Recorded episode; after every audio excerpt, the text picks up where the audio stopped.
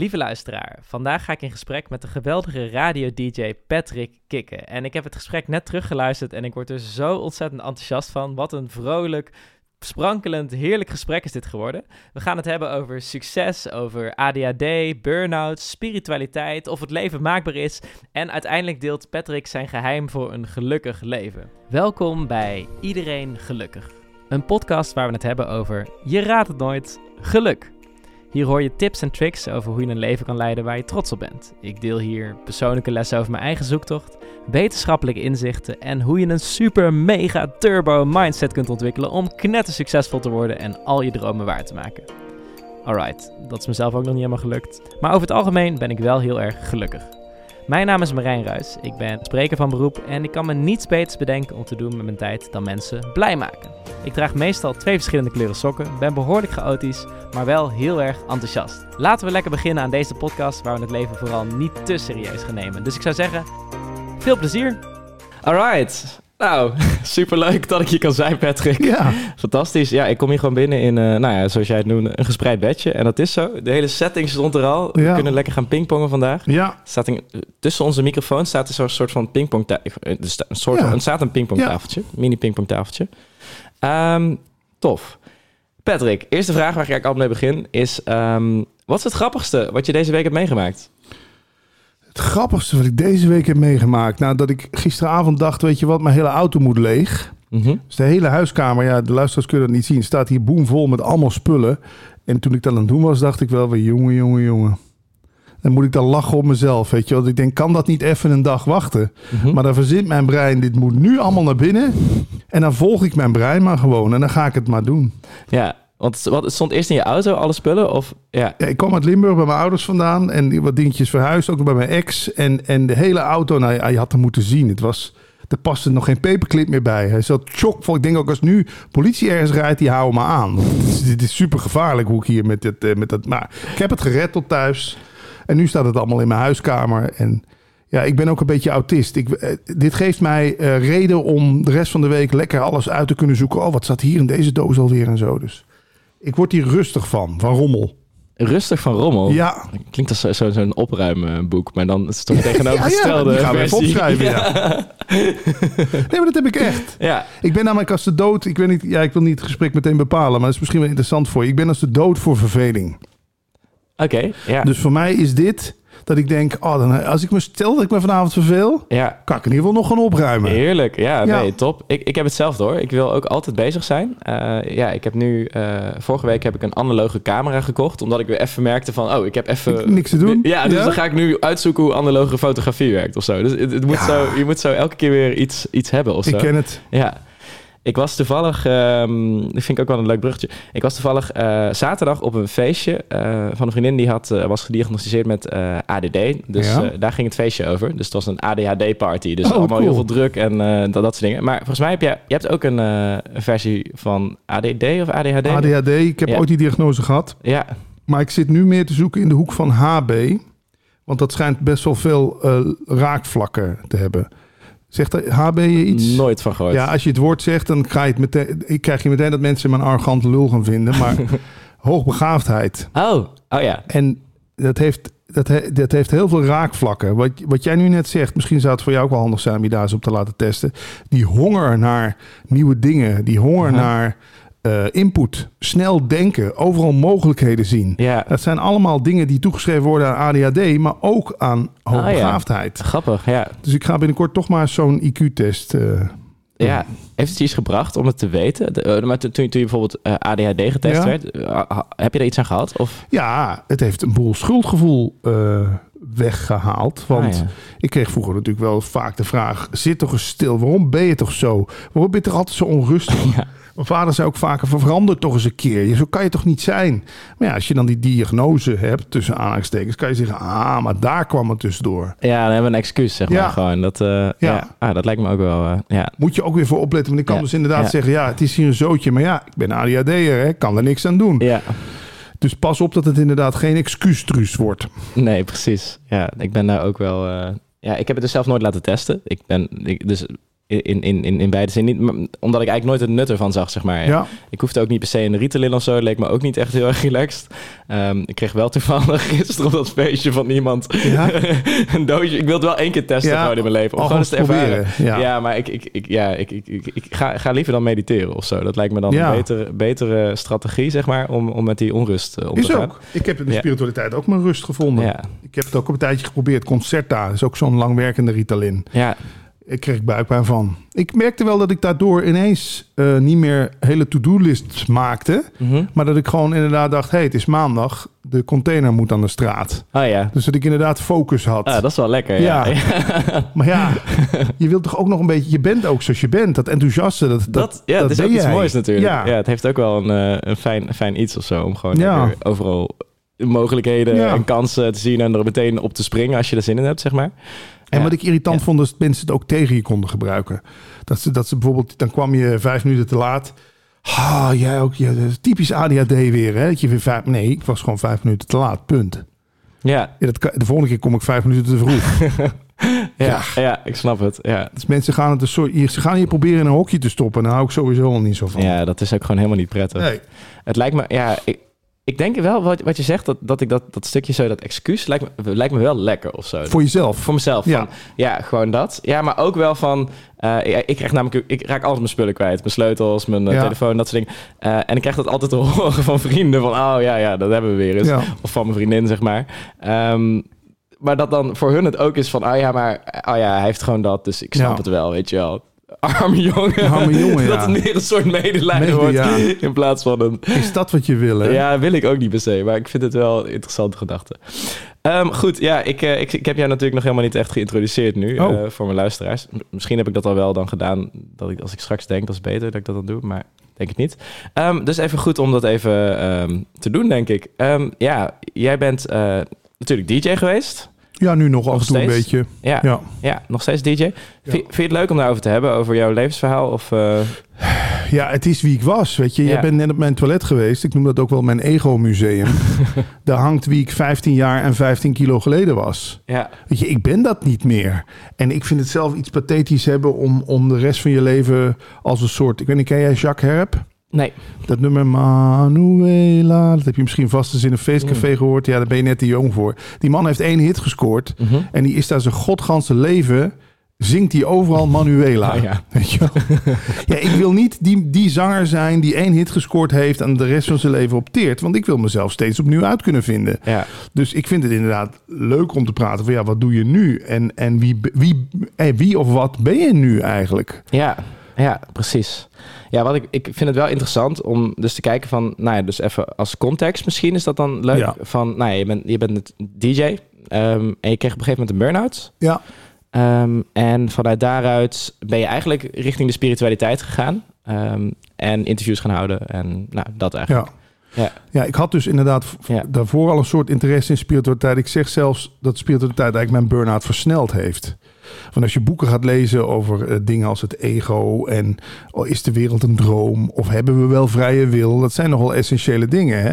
En dat maakte bij mij nogal wat los. Want ik was ook de eerste die altijd op zijn eigen borst klopte als een soort aap, als een soort boekito van kijk eens wat ik nou weer allemaal gedaan heb. En kijk eens hoe goed ik weer bezig ben, weet je wel. Maar daar zat natuurlijk iets onder. Daar zat iets onder van mezelf eigenlijk niet veel waard vinden. En dus altijd maar de wereld inschreeuwen. Kijk eens hoe goed ik ben. Maar en do- door die boeken, die, die, die boeken en die mensen, die leraren, druk je met de neus op de feiten. Mhm. Ja, en dan komt er een soort crisis. Want dan denk je, fuck, wat ben ik dan?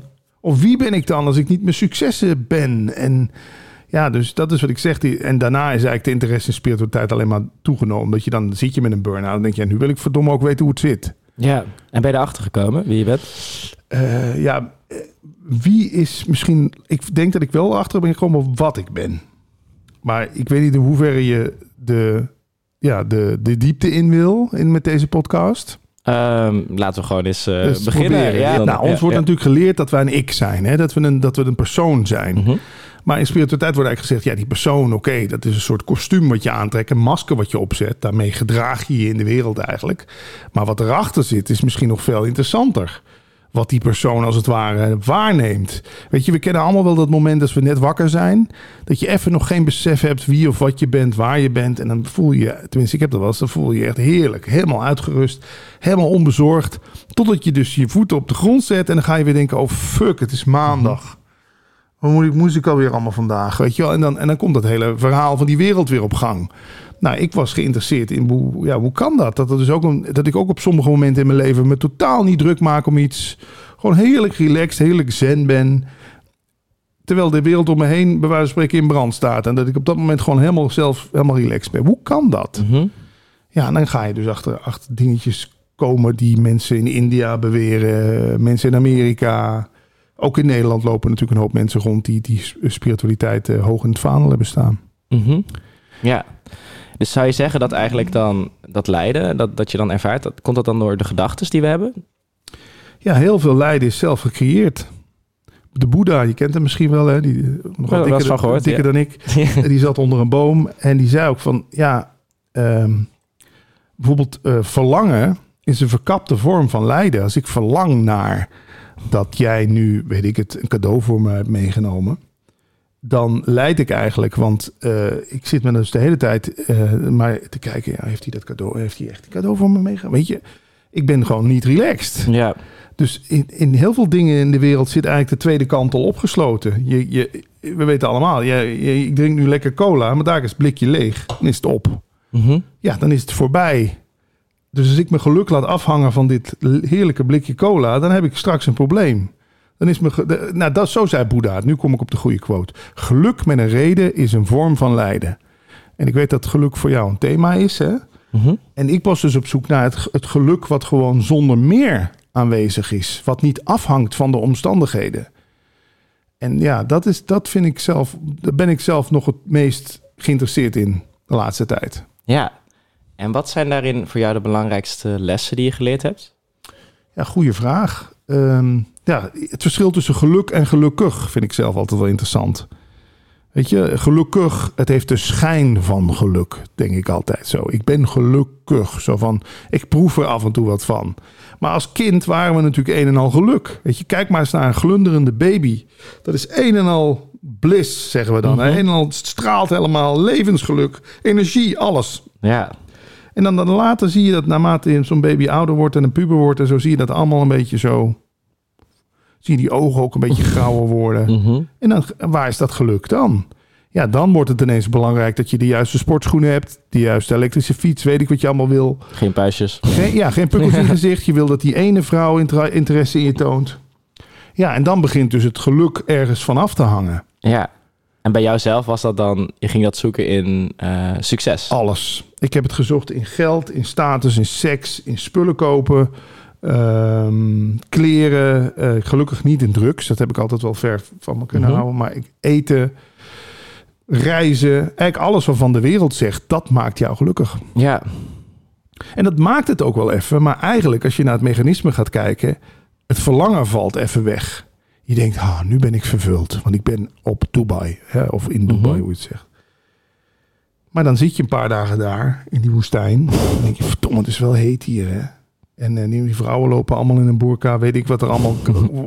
Je kan nog weer honderden en één dingen verzinnen die niet goed zijn aan die vakantie. Hè? Het hotel is toch... Ik had toch net een ander hotel moeten boeken. Het eten is toch... Ja, was gisteren toch lekkerder.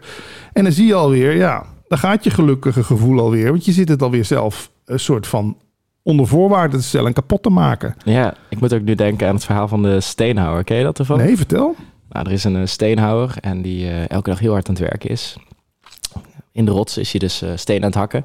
En op een dag eh, hoort hij zo een hoorngeschal in de verte. En eh, daar komt ineens eh, de koning eh, voorbij. Die wordt lekker rondgedragen. En die steenhouwer denkt, wauw, stel je eens voor zo'n koning. Hè? Die heeft echt een geweldig Ja. leven. Wat nou als ik de koning was? Nou, en dan denk ik, ik, ik zou eigenlijk wel willen wensen dat ik de koning was. En om de een of andere manier, hij wenst dat, hij denkt dat. En ineens verandert hij dus in Ja? de koning. En hij zit daar dan lekker inderdaad, een beetje zo, wordt Ja? hij rondgedragen. Nou, gevreesd door het volk, geliefd door het volk.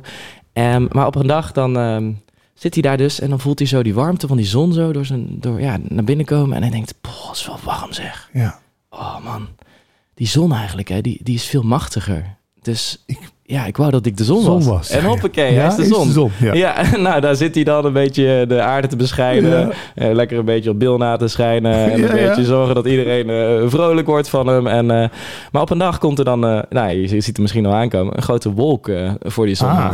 Ja, en natuurlijk wil hij dan de wolk zijn. Nou, poef, Hij is de hij is de wolk. wolk. En eh, nou, daarna eh, breekt er een storm aan. Nou, als wolk is het even een tijdje leuk. Ja. breekt een storm aan. Nou, hij wordt bijna weggewaaid. En eh, hij verandert natuurlijk daarna storm. in de storm. Ja. En die storm die neemt alles mee. Koeien, huizen. Nou, fantastisch. Hij is machtiger dan ooit. Maar dan op een gegeven moment komt die storm aan bij een rots. Woesh, woesh, woesh. Nou, die rots kan hij natuurlijk niet meenemen. Nee, Dus dan denkt hij, nou, ik wou dat ik een rots was. En als rots ja, leeft hij daar zo een aantal jaar eh, lekker om, onbezorgd. Ja? Niemand eh, die, eh, die met hem bezig is. Totdat hij op een gegeven moment een eh, getik hoort. Hak, hak, hak, hak. Een steenhouwer. Een steenhouwer, ja. Ja, ja, ja. En vanaf dat moment, ja, je raadt wel, dan wordt hij de steenhouwer. maar dit is dus- precies. Wat een prachtig verhaal. Dit zegt het precies. Wij denken altijd dat geluk buiten ons te vinden is. Hè? Misschien zijn we wel geluk in essentie. Misschien brengen we, ik zeg ook altijd, geluk breng je mee naar het feestje hier, weet je wel? Jij komt nu ook gewoon vrolijk en enthousiast en gelukkig binnen. Dus jij draagt iets bij. Jij komt hier niet iets halen. Nee, ja, ook natuurlijk. Ja, maar, niet- twee, twee kanten. Ja, maar niet je geluk. Je, komt nee, niet, nee. je denkt niet, ik ben pas gelukkig als dat Als ik Patrick Kikker gesproken heb, ja, dan... of, eh, ja, ja, of als dat gesprek dadelijk duizend keer beluisterd is. Of als, als, het op, als de opname gelukt is, gelukt. Dan zie je Ja, ook- ook grappig inderdaad dat dat zo in de taal zit ook, hè? Ja, oh. Ja. ja, er wordt ons gewoon wijsgemaakt dat geluk iets is wat je moet vergaren. Mhm. Alexander Smit, zo'n eh, non-dualiteit-leraar uit de jaren 90, hij leeft helaas niet meer, die zei altijd: Het is onmogelijk om gelukkig te worden. Je kunt alleen gelukkig zijn. En die heb ik volgens mij zelfs ergens op een tegeltje. Die voel ik zo mooi. Dat ja, die is het. is geweldig. Ja. En die heb jij ook een keer tegen mij... Want eh, ik ben acht jaar geleden of zo Ja. bij jouw podcast geweest. Ja. Toen heb je dat dus tegen mij gezegd. En Ja. ik heb die altijd onthouden. Oh, cool. Dus door jou, zeg maar. Oh, Dus fijn. dat is leuk hoe je Via dat... eh, Alexander door mij. Ja. ja. ja. ja. top. Oké, maar eh, nog even dus terug naar... We gaan weer even naar die lijn zo van... Nou, Ja. je, je zocht dus in, in van alles. Eh, geld, kleren, Ja. eten, Ja, seks, succes. vrouwen Nou, versieren, Je weet had ik het het. allemaal ook op een gegeven moment. Eh, je- Nou, Ja. dan, dan heb je het gewoon eten. niet. Nee, nee, dat merkte je gewoon. ja. Ja, het, het wordt, ik heb zelf dan, toen ging ik het kapitalisme de schuld geven. Toen zei ik, ah, het is de grote leugen van het kapitalisme. Hmm. Want ik zie de hele dag boodschappen op de tv. Ik zie ze op billboards, ik hoor ze op de radio. Wat, heb jij nog een iPhone 12? Koop de iPhone 13. Dan word jij gelukkig. Want dat, dat zeggen ze niet zo letterlijk, maar dat is wel wat ze uitstralen in al, die, Mhm. al die commercials. Dus ik zei altijd van ja, ik geloofde gewoon de leugen van de reclame.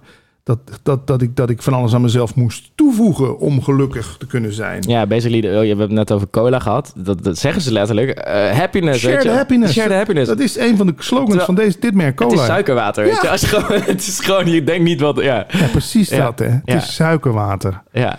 En die marketing, jongen, dat is, ja, dat is, dat is hypnotisch gewoon. Maar als kind geloofde ik ook echt dat ik dat doosje Lego moest hebben. Weet je, ik was verdrietig, want ik, mijn vrienden hadden wel dat doosje Lego, ik niet.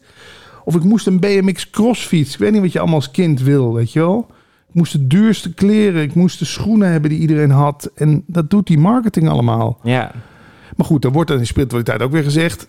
dat is gewoon iets wat je moet doormaken... zodat je er daarna achter komt dat het daar ook niet in te vinden is. Ja, ik vind dat ook fantastisch. Dat is dat boek zit achter ook van Herman Hesse. Dat Ja, is precies hetzelfde. dat. Van, ga het gewoon helemaal ervaren Ja. en eh, dan kom je er vanzelf wel achter, Ja. zeg maar. eh, ja. Ehm, en denk je dat die drive van jou om, om daarin te zoeken ook de Want je bent heel succesvol geworden in je werk. Ehm, Ja, Je hebt echt wel in de, je bent wel echt in de top van, een, van nou, je carrière gekomen, zeg maar, als radio-dj. ja. Ehm, denk je dat dat die drive was, zeg maar? Van ja ik hoop het daarin te vinden? Of Nee, ik denk dat dat eerder de seksuele selectie was. Kijk, tot je 35ste eh je heb je nog niet voortgeplant, hè? Nee. Nou, niet dat je weet. Nou ja, nee, Ja. dat weet je wel. Dat weet je ik, heb een, ik heb een dochter, daar staat ze, althans in fotovorm. ja, Heel ze staat al de hele tijd Ja. hier in het hoekje in zo. het hoekje, Ja. omgedraaid. Sst. Ja, hou je mond. ja, nee.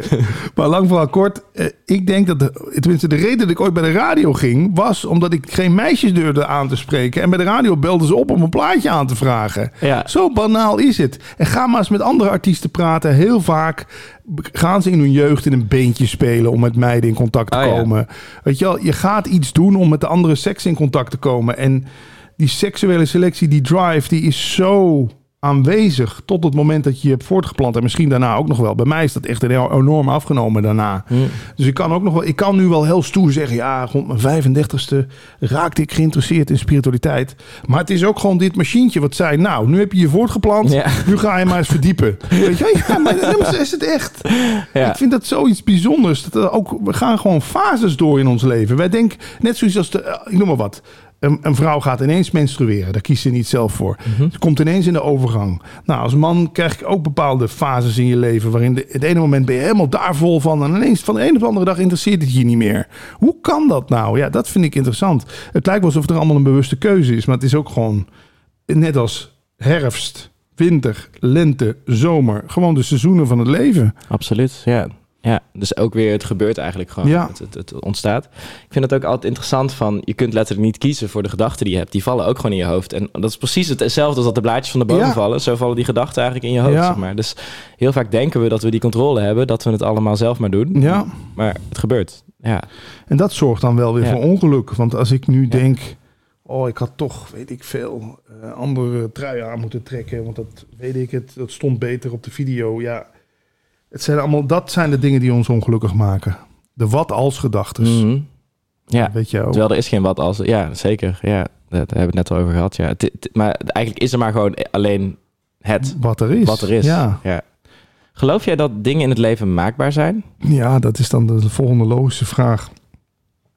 Dat, ik geloof daar wel in, maar ik ben dan geïnteresseerd erin. Waarom wil je iets heel erg graag? Daar heb je dan toch niet voor gekozen. Hoe, weet je, waarom wilde jij hier vandaag naartoe komen? Ja, je brein kan honderden en redenen verzinnen, weet ik veel. Leuk uitje, goed, goede, goed gesprek of veel luisteraars, weet ik het. Maar uiteindelijk kwam dat gevoel om dat te doen, kwam ergens vandaan. Mhm. En dat vind ik altijd zo interessant. Het komt ook maar gewoon op.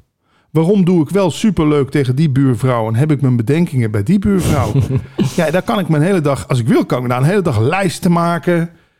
Het is gewoon zo. En Ja. ik weet niet waar het vandaan komt. Het kan zelfs nog komen om- omdat die buurvrouw lijkt op een lerares die vroeger naar tegen me deed. En zij niet. Weet Ja. wel? Zo diep zit dat natuurlijk ook in ons onderbewuste geplant. Dus ik, ik ja, maakbaar ehm, tot een bepaald niveau. Ik, ik denk ook dat heel veel dingen dat we gewoon, dat die je toch ja, komen aanwaaien, klinkt ook weer zo, zo nihilistisch. Maar je, het is ook een kwestie van geluk. Mhm. Ja. Je hebt nu net een bus gemist, hè? Ja. Wat nou als jij straks in het nieuws hoort dat die bus die jij gemist hebt, Ja. dat die verongelukt is, in Mhm. het water terecht is ja gekomen. dan, dan ga ik denken dat het een, eh, dat is een wonder Ja, of, ja. Een, eh, of ja, zoiets. Terwijl Ja, op een ja. moment zelf Ja. dacht je wel waarschijnlijk even van kut dat ik deze bus gemist heb, Ja, toch? Klopt, maar daarna ging het al heel snel over naar... Oh, het is super lekker weer. Ik ga wandelen. En toen dacht ik ook, ik ga liften. Oh, Dat heb ik niet gedaan. Nee. Maar ik kwam een tractor tegen. Toen had ik, heb ik heel erg genoten van het idee van... Ik ga kijken of ik hem mee kan rijden. maar het mocht niet. Maar ze keken wel heel vrolijk. Hey! dus, eh, Jij maakt er wat van dan. Maar dat is, daar zijn ook inderdaad verhalen van mensen die, eh, die een vliegtuig gemist hebben. En dat vliegtuig stortte neer. ja, En ja, over maakbaar. Ja, het leven hangt volgens mij wel af van dat soort kleine momentjes. Ik denk dat misschien mijn relatie bijvoorbeeld nog aan was geweest. Als eh, er die dag niet heel veel. ehm, het, was, het was heel veel mist. Waardoor het vliegtuig niet naar Eindhoven kon vliegen. Mhm. Maar moest uitwijken naar Keulen. Mijn vriendin toen nog. woehoe, die zou me eh, daar komen ophalen in Eindhoven. ja. Keulen was te ver. Doordat ik naar Keulen ben gevlogen, ben ik eerst nog een week naar Limburg gegaan, eh, omdat dat dichterbij was, naar mijn ouders. Heeft zij nog een week thuis een soort van zitten nadenken? Snap je wat ik bedoel? Ja, ja, Zo hangt dat Ja. allemaal samen. ja, dat is ongelooflijk. maar ja. moet ik dan nu Ryanair gaan aanklagen? Nou, dat, ik, ik denk, ja, ik denk eigenlijk van wel. Ja, ja, nee. Jullie hebben mijn relatie gesaboteerd. ja. Maar, maar zo gaan echt. En, maar andersom ook. Ik denk echt, als ik een week later gesolliciteerd had bij de Tros, was ik niet op 3FM terechtgekomen. Dan had iemand anders op het oog. Ik heb echt geluk gehad. En dat zeg ik ook al. Ik heb twee keer de loterij gewonnen. Eén keer bij de landelijke publieke radio. En één keer bij de landelijke commerciële radio, bij Veronica. Het is ook gewoon een kwestie van geluk hebben. Succes, ja, zegt Michael Pilatschik zegt dan: succes is een keuze. Zeg Ja. dat eens tegen die mensen in Oekraïne nu. Ja, precies. Ja. Ja, dat is gewoon altijd heel dubbel. Ja, je zegt twee keer de loterij. Ik, zeg, ik denk zelfs drie keer, want we zijn in Nederland geboren. Nou, hier. Dat, in, in Nederland zit je in de top vijf Ja, gelukkigste landen. hier, Altijd gewoon. Dus Uh, ja, ik, ik vraag dus ook als ik uh, voor studenten spreek, dan vraag ik dat ook altijd van, uh, nou, wie wil de loterij winnen, wie wil de geld? Ja? En, en, nou, iedereen wil dat natuurlijk. Um, maar dan ineens weer even terug naar het besef van, ah, maar dat hebben we dus al lang gewonnen. Want kijk, kijk is gewoon, dit, we zijn allemaal heel rijk en ja? we zijn allemaal heel, we hebben het allemaal heel goed. Um, alleen dat, dat is dus weer het stukje dat geluk van het waarderen van wat er is in plaats van wat er nog zou kunnen zijn. Dat maar. is het. Ik vind Ja. dankbaarheidslijst. Op het moment dat je je een beetje down voelt, maak eens een dankbaarheidslijst. Absoluut. Oh, echt. Ja, daar gaat het daar in mijn werk heel vaak over. Gewoon dit. Gewoon dankbaar zijn. Ja. En, dus ik vind het ook wel interessant hoe je daar naar kijkt. Want voor mij heeft het dus heel veel gebracht om het te verdiepen in wat maakt het mensen gelukkig. Ja. En dat is dus, nou, ga vrijwilligerswerk doen. Eh, schrijf de dingen op waar je dankbaar voor bent. Ja. Eh, het gaat om contact met mensen. Ja. Het gaat om relaties. Het gaat om Ja. eh, nou, even een praatje maken, daar word je gelukkig van. Ehm, iets geven aan een ander, zingeving zoeken, bewegen, sporten. En sinds ik eigenlijk een heel duidelijke lijn heb van... oh, dit zijn de dingen, ook als ik me dan down voel... dan kan ik die dingen doen en dan voel ik me zoveel beter, zeg maar. Ehm, maar dat is dus inderdaad wel heel erg in een maakbaarheidsgedachte... van eh, dat je daar gelukkig van wordt. En ik, daar, het, mijn missie is dus om dit te verspreiden. Want ik denk, ah ja, als mensen dit weten... dan voelen ze zich gelukkiger, zeg Ja. maar. Ehm, soms vraag ik me af, wat nou als het je niet lukt om, dat, om eraan te beginnen? Van, ik denk dan, je hoort allemaal, nou, dit moet je doen om gelukkiger ja. te zijn, maar ik kan me er zelf niet toe zetten om een dankbaarheidslijst te maken of om even te gaan bewegen. Nou, dan op de eerste Ja. plaats dat niet jezelf om de oren slaan. Want dat hoor ik vaak bij mensen. Ik, je hebt mijn boek gelezen, Leven zonder stress. Hè? Ik begin ook meteen met een geruststelling. Het is niet jouw schuld. We geven onszelf ook zo gauw de schuld. Oh, zie je nou wel, dan lukt het me niet eens om een dankbaarheidslijstje te maken. ja. Nou, en, weet je ja wel, dan... ik probeer dat ook te zeggen. Ja. Van, eh, zie het niet als een verplichting. Probeer het als je wil. En als je het niet wil, doe het niet. En als het niet lukt, is het ook niet erg. Ja, Ja, dus dat is een beetje... Ja, hoe ik dus deze... Ik heb deze hele, he- deze hele week voor mbo-studenten gestaan. En die, Oh, die zijn extra moeilijk om te motiveren. Ja. Maar ja, het is wel leuk als je om te zien als ze het dan doen in Ja. de les of zo. Dat het dan wel effect heeft, zeg maar. ehm. wat mij altijd helpt, Ja. sorry dat je onderbreek, maar dat valt me nu in. Dat je er bent is al genoeg. Ja, ja precies. je, dat, dat Ja, zou eigenlijk veel meer tegen een kind gezegd moeten worden. Weet je, we worden, ik, ik weet dat ze bijvoorbeeld in Finland doen ze tot de zestiende worden geen cijfers gegeven. ja, dat is super. Ja, alleen beoordelingsgesprekken. Wij worden al vanaf de kinds af aan met beoordeling met cijfers. Jij, jij Ja. hebt een zes, je bent minder. Jij hebt een tien, jij bent goed. Oh man, laat toch gewoon het feit dat een kind er al is gewoon al voldoende zijn. En de, en de rest is Ja. allemaal bonus. Ja, zo is het. Ja, bonus vind ik zo'n mooie eh, soort bonustijd of zo. Of de Ja. dingen, die je extra doet, dat is Ja. gewoon bonus. Dat is Ja. gewoon, gewoon top. En, eh, en als je het niet doet, nou, Ja, niet erg. Ja, en iedereen Ja. heeft zo zijn, iedereen draagt zijn steentje bij. Ik heb, ik heb zo in, in Limburg heb ik dan nog een logeerkamer bij mijn ouders. Hangt een tegeltje op. Do small things with great love. ja, Want wij denken ook altijd, en dat zie je nu ook wel in jouw generatie. Iedereen moet de volgende Eiffeltoren bouwen. Iedereen moet een miljoenenbusiness. Iedereen moet eh, eh, 10.000 volgers op, op Instagram of 20.000. Ja. Het is niet voor iedereen weggelegd. nee, natuurlijk kan niet. niet. Nee, nee. Alle af van de wet van kansberekening kan het al niet. En wat als Ja. iedereen 100.000 volgers op Instagram zou hebben? Wat is dan de maatstaf? Ja. 500.000? Ja, bizar. Ja, Dus het, ik, die, die, die, dat wat jullie hebben, dat, dat idee van dat je maar moet slagen en, en, en, en ex- ex- eh, wat is het goede woord? Exceptioneel? Extraordinary? ja gewoon bijzonder zijn. Ja, zeg maar. bijzonder zijn, ja. ja. Ja, en dat is denk ik ook wel echt die social media heeft dat wel heel erg versneld. Ik heb deze hele week ook eh, aan eh, studenten gevraagd... hoeveel tijd zit jij op je smartphone per dag? Oh, Pak je schermtijd erbij. Ja, en? En er zitten gewoon letterlijk studenten bij... die zitten 19 uur op een dag op een telefoon. Houden ze dat vol, joh. En ze hebben zes, zeven, acht, dat hoor je ook wel. Ja. Sommigen drie, vier. Dus dat, en, nou, en, en, en, en, en dan vraag ik soms zelfs, nou, wie zou dat willen verminderen? En dan steken twee of drie maar Ja? hun hand op. Omdat ze denken, nou ja, ik weet niet. Of ik ben eigenlijk wel tevreden met zes, zeven uur eh, per dag. Ja. Dus, maar ook, en dan vraag ik, nou, wat zit daarachter? Ja, nou, verveling. Eh, ook dat. Dus Ja. dat zit denk ik ook heel diep. Van, we willen niet meer vervelen. En eh, ook, ik denk, je zoekt een soort momentje van rust in zo'n zo'n post of op Instagram of op, op social Ja. media. En dan denk je, oh, dat, geeft me rust. Vervulling. Maar dat is geen echte rust. Nee. Het is een soort schijnrust, want je hoofd is constant bezig. En dan ga je ook nog eens vergelijken met, eh, met, Ja. eh, met eh, Trudy, die er fantastisch uitziet en een miljoenenbusiness heeft.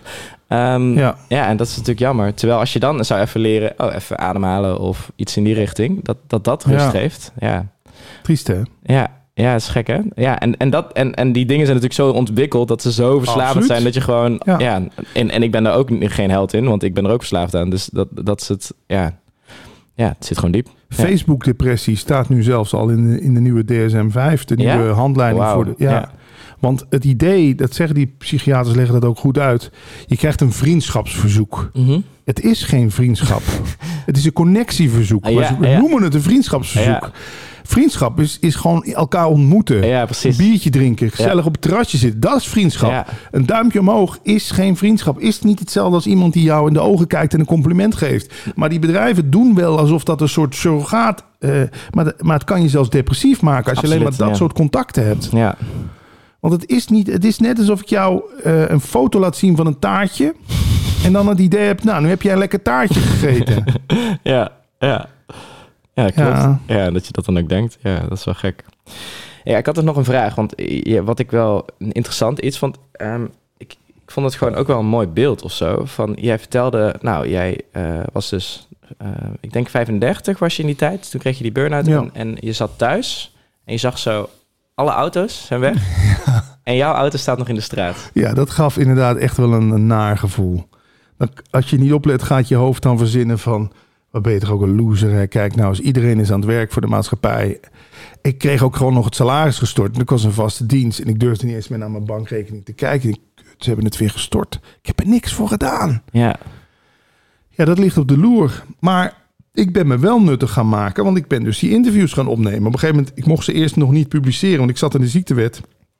Toen heb, ik ze toch maar gedaan. Dat je jou geïnterviewd en zo. En dat heb ik dan gewoon op de plank gelegd. Ik denk, nou, er komt een moment, dan komt het dan online. ja, Dus ik ben, ik, doordat ik even pas op de plaats mocht maken, kon ik mezelf wel opnieuw uitvinden. En ik heb het idee, een mens is van nature een deler. Een mens wil meedoen. Dat zie je toch bij kinderen ook op de Mhm, speelplaats. absoluut, Iedereen wil meedoen in de zandbak en mee creëren en Mhm. tekenen. En wij zijn creërende wezens. Dus het is helemaal niet erg om af en toe eens even pas op de plaats te nemen. Lummelen is ook, heeft hier nog eens iemand beweerd. En eh, een of andere psycholoog. Wij lummelen veel te weinig. ja.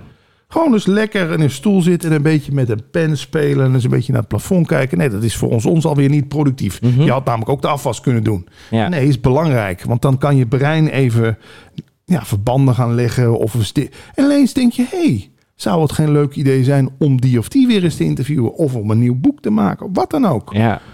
Die ideeën komen niet op als jij allemaal door, door, door gaat. Nee, absoluut. Dus je zat, ja, je, zit, je zat eerst zo op die piek van, van, van, van, van die carrière. Nou, de duizenden luisteraars per dag, denk ik. ja, honderdduizend, ja. Bizar. Dat lijkt me ook ongelooflijk. Wat, wat, wat, wat deed dat met je? Als je dan zo zag van, nou, er luisteren honderdduizend mensen naar eh, wat ik gemaakt Ja, dat heb. is onwerkelijk. Ja, Het brengt ook een verantwoordelijkheid met zich mee. Je moet er niet te veel van nadenken. Want als dit nu live uitgezonden werd voor honderdduizend mensen... denk ik dat we er toch iets krampachtiger bij zaten. Mhm. Nu weten we van het wordt opgenomen. We Ja. kunnen, we kunnen, we doen het waarschijnlijk niet... maar we kunnen er Ja. eventueel nog een eutje of een aatje uitknippen. ja precies. Het verhoogt de druk. Het is natuurlijk ook wel super geil als je een oproep doet... en je ziet gewoon in één keer duizend appjes Ja. binnenkomen. Wauw, ja. Dat is heel onwerkelijk. Maar ook daarin moet je weer opletten. Want die, dat, ik krijg regelmatig via LinkedIn eh, connectieverzoeken of, of complimentjes over de podcast Leven zonder stress. En die, daar maak ik meteen een screenshot van en dat stuur ik door. En dat, dat is eigenlijk bijna nog waardevoller. Mm. Die ene mens die je geraakt hebt met iets of geholpen hebt. Ja, want dat is, gaat ook dieper. Ja. Je helpt iemand, meer dan wanneer je even iemand laat lachen. Ja. Even, of, ja. Kijk, die honderdduizend Ja, mensen in de auto, dat is natuurlijk ook leuk. Ik had dan wel voor mezelf een soort iets verzonnen. Nou, als ik nou die mensen aan het lachen maak, s ochtends vroeg. Die komen binnen bij een bedrijf, doen net iets leuker tegen de receptionisten. ja, fantastisch. De, Ja. receptioniste doet weer net iets leuker tegen de mensen aan de telefoon. Sneeuwbaleffect. ja, Dat, dat hoopte ik te bereiken. Maar dat kan ook. In, kijk, je kunt overal zaaien. Wij zijn nu ook zaadjes aan planten. Hè? ja, De, de- bij een luisteraar in het hoofd. En misschien doet diegene daardoor. Zegt diegene een keer daar op een verjaardag tegen iemand. Ja, maar jongen, ik weet dat je nu in een dip zit. Maar je kunt niet gelukkig worden. Je kunt alleen gelukkig zijn. Heeft hij onthouden van deze podcast? Ja. Zegt hij dat tegen iemand en dan verandert voor diegene dan weer iets ja, op dat moment. Dus ja, ik geloof wel dat we een soort daarin een doorgeefluik zijn. ja. Dus bij de radio was dat natuurlijk keer tien. Maar mensen luisteren naar een podcast ook weer veel, ja, met veel meer attentie, veel meer concentratie dan dat de radio die gewoon aanstaat, zo weet je wel. Dus het is, het is, het is waar. Ik vind dit eigenlijk wel waardevoller. Ja, fantastisch. Ja. Ja.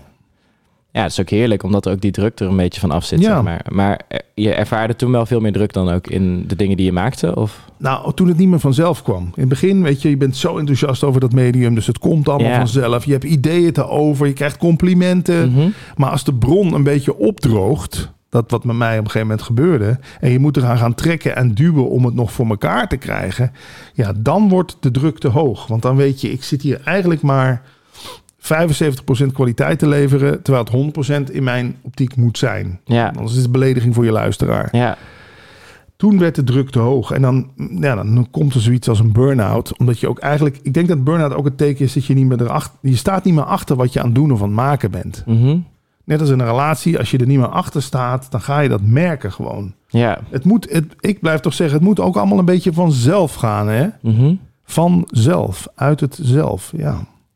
Niet, natuurlijk moet je voor dingen moeite doen, maar dat moet eigenlijk niet lijken alsof het heel veel moeite kost of zo. Mhm. Een goed doelpunt zie je toch ook, het is toch net alsof die voetballer gewoon alleen... er zit een soort flow in, ja. Ja, maar die hebben daar zo, maar ja, er zit natuurlijk zoveel aan vooraf ook, voordat er een prachtig Precies, doelpunt... ja, dat vergeten we dan wel eens. Maar uiteindelijk, Ja. bij de radio ook, je stopt er heel veel voorbereiding in, dus- Ja. maar het moet klinken alsof het allemaal moeiteloos gaat. Ja, ja, precies. Ja. ja. Oké, dus ja, nou dan, dan, dan heb je dat dus. Nou, 100.000 luisteraars. En dan, dan kom je vervolgens eh, Thuis te zitten. thuis te zitten Met één luisteraar. met één luisteraar. maar ja, het mooie is dat je dus da- daaruit heb je dus wel weer, is er wel weer iets gaan groeien eigenlijk. Dus ja, je vond je op dat moment, denk je nou, eh, van nou, wat ben ik een loser dat ik hier thuis Ja. zit eh, met mijn auto en ik krijg geld, zeg maar. Ehm, hoe kijk je nu, nu naar, naar die situatie? Ja, ik had het niet anders willen doen, denk ik. Ik. Het moest gewoon. Ik noem het ook wel eens een soort breekijzer van het bestaan. Het bestaan wipt gewoon even een, rotte plank uit, uit het huis. Ja, En in mijn geval donderde die hele verdieping in elkaar. Maar ja, het had niet anders gekund, denk ik. Ja, dat het. We moeten ons ook maar gewoon bij neerleggen dat we toch ook een soort van overgeleverd zijn aan de dingen. Ik weet dat dat heel eng is. In Nederland denken we dat we ons voor alles kunnen verzekeren. Hè? We hebben zelfs mooi weerverzekering op vakantie. mooi weerverzekering. Alsof wij. Ja, oké. Zo, je ziet het toch nu ook. Ik weet niet wanneer dit geplaatst wordt, maar als we dit opnemen nu. eh, brood wordt twee keer zo duur, waardoor door een oorlog 2000 kilometer verderop. Het hangt allemaal aan elkaar vast. Als op de Noord- en de Zuidpool de kappen enorm gaan smelten. Nou, dan moet je eens kijken hoe snel het duurt voordat eh, hier dadelijk een aantal badplaatsen niet meer bestaan gewoon. Maar dat is een enge gedachte. Dus we houden ons maar vast aan het idee dat we alles voor kunnen voorkomen en kunnen maken. Maar ja, dat had gewoon moeten gebeuren. Dat kon niet anders. Anders was het niet gebeurd. ja, En dan heb je nog een stroming die zegt er is nooit iets gebeurd. Maar ik weet niet of we die kant op moeten gaan. Maar dat vind ik dan zelf ook wel weer fascinerend. hè. Dat weet- wat bedoel je daarmee? Dat Nou er ja, nooit iets gebeurt? In, in, Van- je hebt ja. de stroming non-dualiteit. Ja, waarin gewoon gezegd wordt... Weet je wel, nu, dit is een droom. En als je vannacht in de diepe droomloze slaap bent... dan ben je wakker. Mhm. Dat we in essentie gewoon eigenlijk... ja, noem het liefde zijn, noem het rust, noem het vrede. En wij dromen iedere dag opnieuw... Iedere keer als we zogenaamd wakker worden... dromen wij weer een dag. Ons leven, zeg Ja, maar. ons leven. Ja. Die, Ja. zien, die mensen in India zien, sommige stromingen zien het leven gewoon als een droom. En als je er zo naar kan kijken, dan kun je er ook iets meer afstand van nemen. Want als ik vannacht namelijk droom, hè, gewoon als ik een dromer ben, Mhm. eh, dat ik Napoleon ben en ik word neergeschoten, dan heb ik daar niet de dag daarna nog, la- nog Nee. last van. En dan is het eigenlijk niet gebeurd, zeg je dan ook. Van, Ja, dan is het, is het op dat moment levensecht, maar Ja. het, het ging weer voorbij. ja, En nu snap ik als hier iemand een kogel door je lijf jaagt, dat dat inderdaad de dag daarna ook nog wel te voelen is. Dus dat is misschien het slechte voorbeeld. Maar met heel veel dingen in het leven weet je ook gewoon. Nu maak je er heel druk over. En dan denk je, weet je, als kind kon ik me zo druk maken inderdaad over pukkels in mijn gezicht. ja, En precies. over een, over een 1 voor Duits. Ja, nu moet ik alleen maar lachen als ik eraan terugdenk. Ja, Hoe kan dat? ja, Ja, dat had tijd nodig. Nee, misschien was het op dat moment ook maar gewoon omzonst, om aan een Duitse uitdrukking te gebruiken. Maar maakte jij er een enorm probleem van op dat moment? En dat, dat vind ik ook wel mooi. We, maken, we zijn gewoon probleemmakers. Al die talkshows maken de problemen alleen maar groter, omdat we er zoveel over aan lullen zijn allemaal. Ja, ja, ik vind het ook zo raar. Media die over media praat en dan weer... Het gaat alleen maar door. En Ja, dan- ja. Het is gewoon een soort van... Het lost maar niks is net op. als je brein, Ja. die dan zo en aan een gedachte denkt. Ja. En daar gaat dan weer een gedachte Oh. overheen. En die vindt daar dan weer iets van. En dan, boem. ja, ja. Ja, oké. Ehm, dus het, het, het moest eigenlijk gewoon gebeuren. Of, of het is niet eens gebeurd, zeg maar. Dat, zo, zo'n crisis, dat, Ja. dat, dat, dat, dat, dat gebeurt gewoon af en toe. En dat, Ja, ik, het nu, want waar is die crisis nu? Waar is die burn-out nu? Weet je wel, ja, we, we kunnen erover praten, dan is hij Ja. er weer even. Maar het is net als die kiespijn die ik, die ik ooit had. Ja. Die is, dat is gefixt en het is weg. En ja, zo zal alles ooit, alles wat komt en gaat, alles wat komt gaat, alles met een begin heeft een eind. Ja, ik haal er ook heel veel steun uit dat dingen altijd vergankelijk zijn. Van datgene waar ik me nu om druk maak, dat is er straks niet meer. Nee. En ja, dus, maar ook de fijne momenten. En dan, dan waardeer je ze ook nog eens extra. Ja. Want dan is het van, oh, ik ga hier nu extra de tijd voor nemen. Ja. Maar. Dus eh, ja, Dus ja, dat zijn wel interessante dingen. Maar goed, Ja. eh, je bent 29. Tuurlijk moet jij het idee hebben dat het leven enorm maakbaar is. Mhm.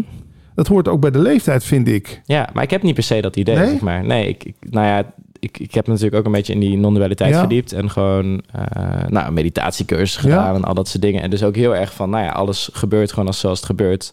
En wat mijn handelen bestudeer- bestudeert, nou ja, dat is de goede vraag. Want er, er zijn allemaal factoren. Nou, eigenlijk jouw hele voorbeeld over Ryanair. Moet ik dan Ryanair Ja. maar eh, aanklagen Oh. omdat mijn vriendin...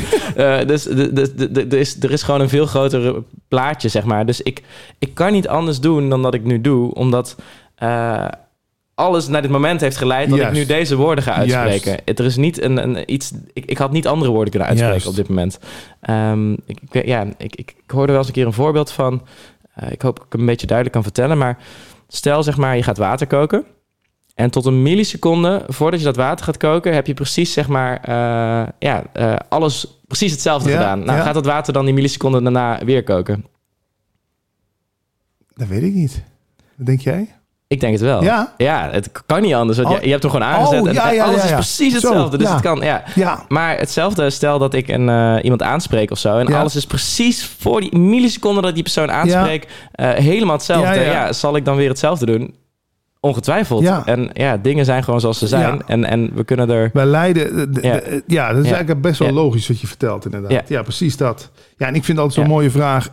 Ja, iemand verklaart je voor gek als je het hem vraagt. Maar als ik aan jou vraag, groei jij je haar nog? Ja, ja dat, tuurlijk. Ja. Groei ik mijn haar nog? Ja, dat gaat vanzelf. ja, bij jou is het wel de vraag. Ja, bij mij, nou, zelfs bij Ja. mij gaat het Ja, nog een nee, beetje. zit vanzelf. wel, Ja, maar op zeker. sommige plekken niet. Maar- of eh, groei jij je nagels?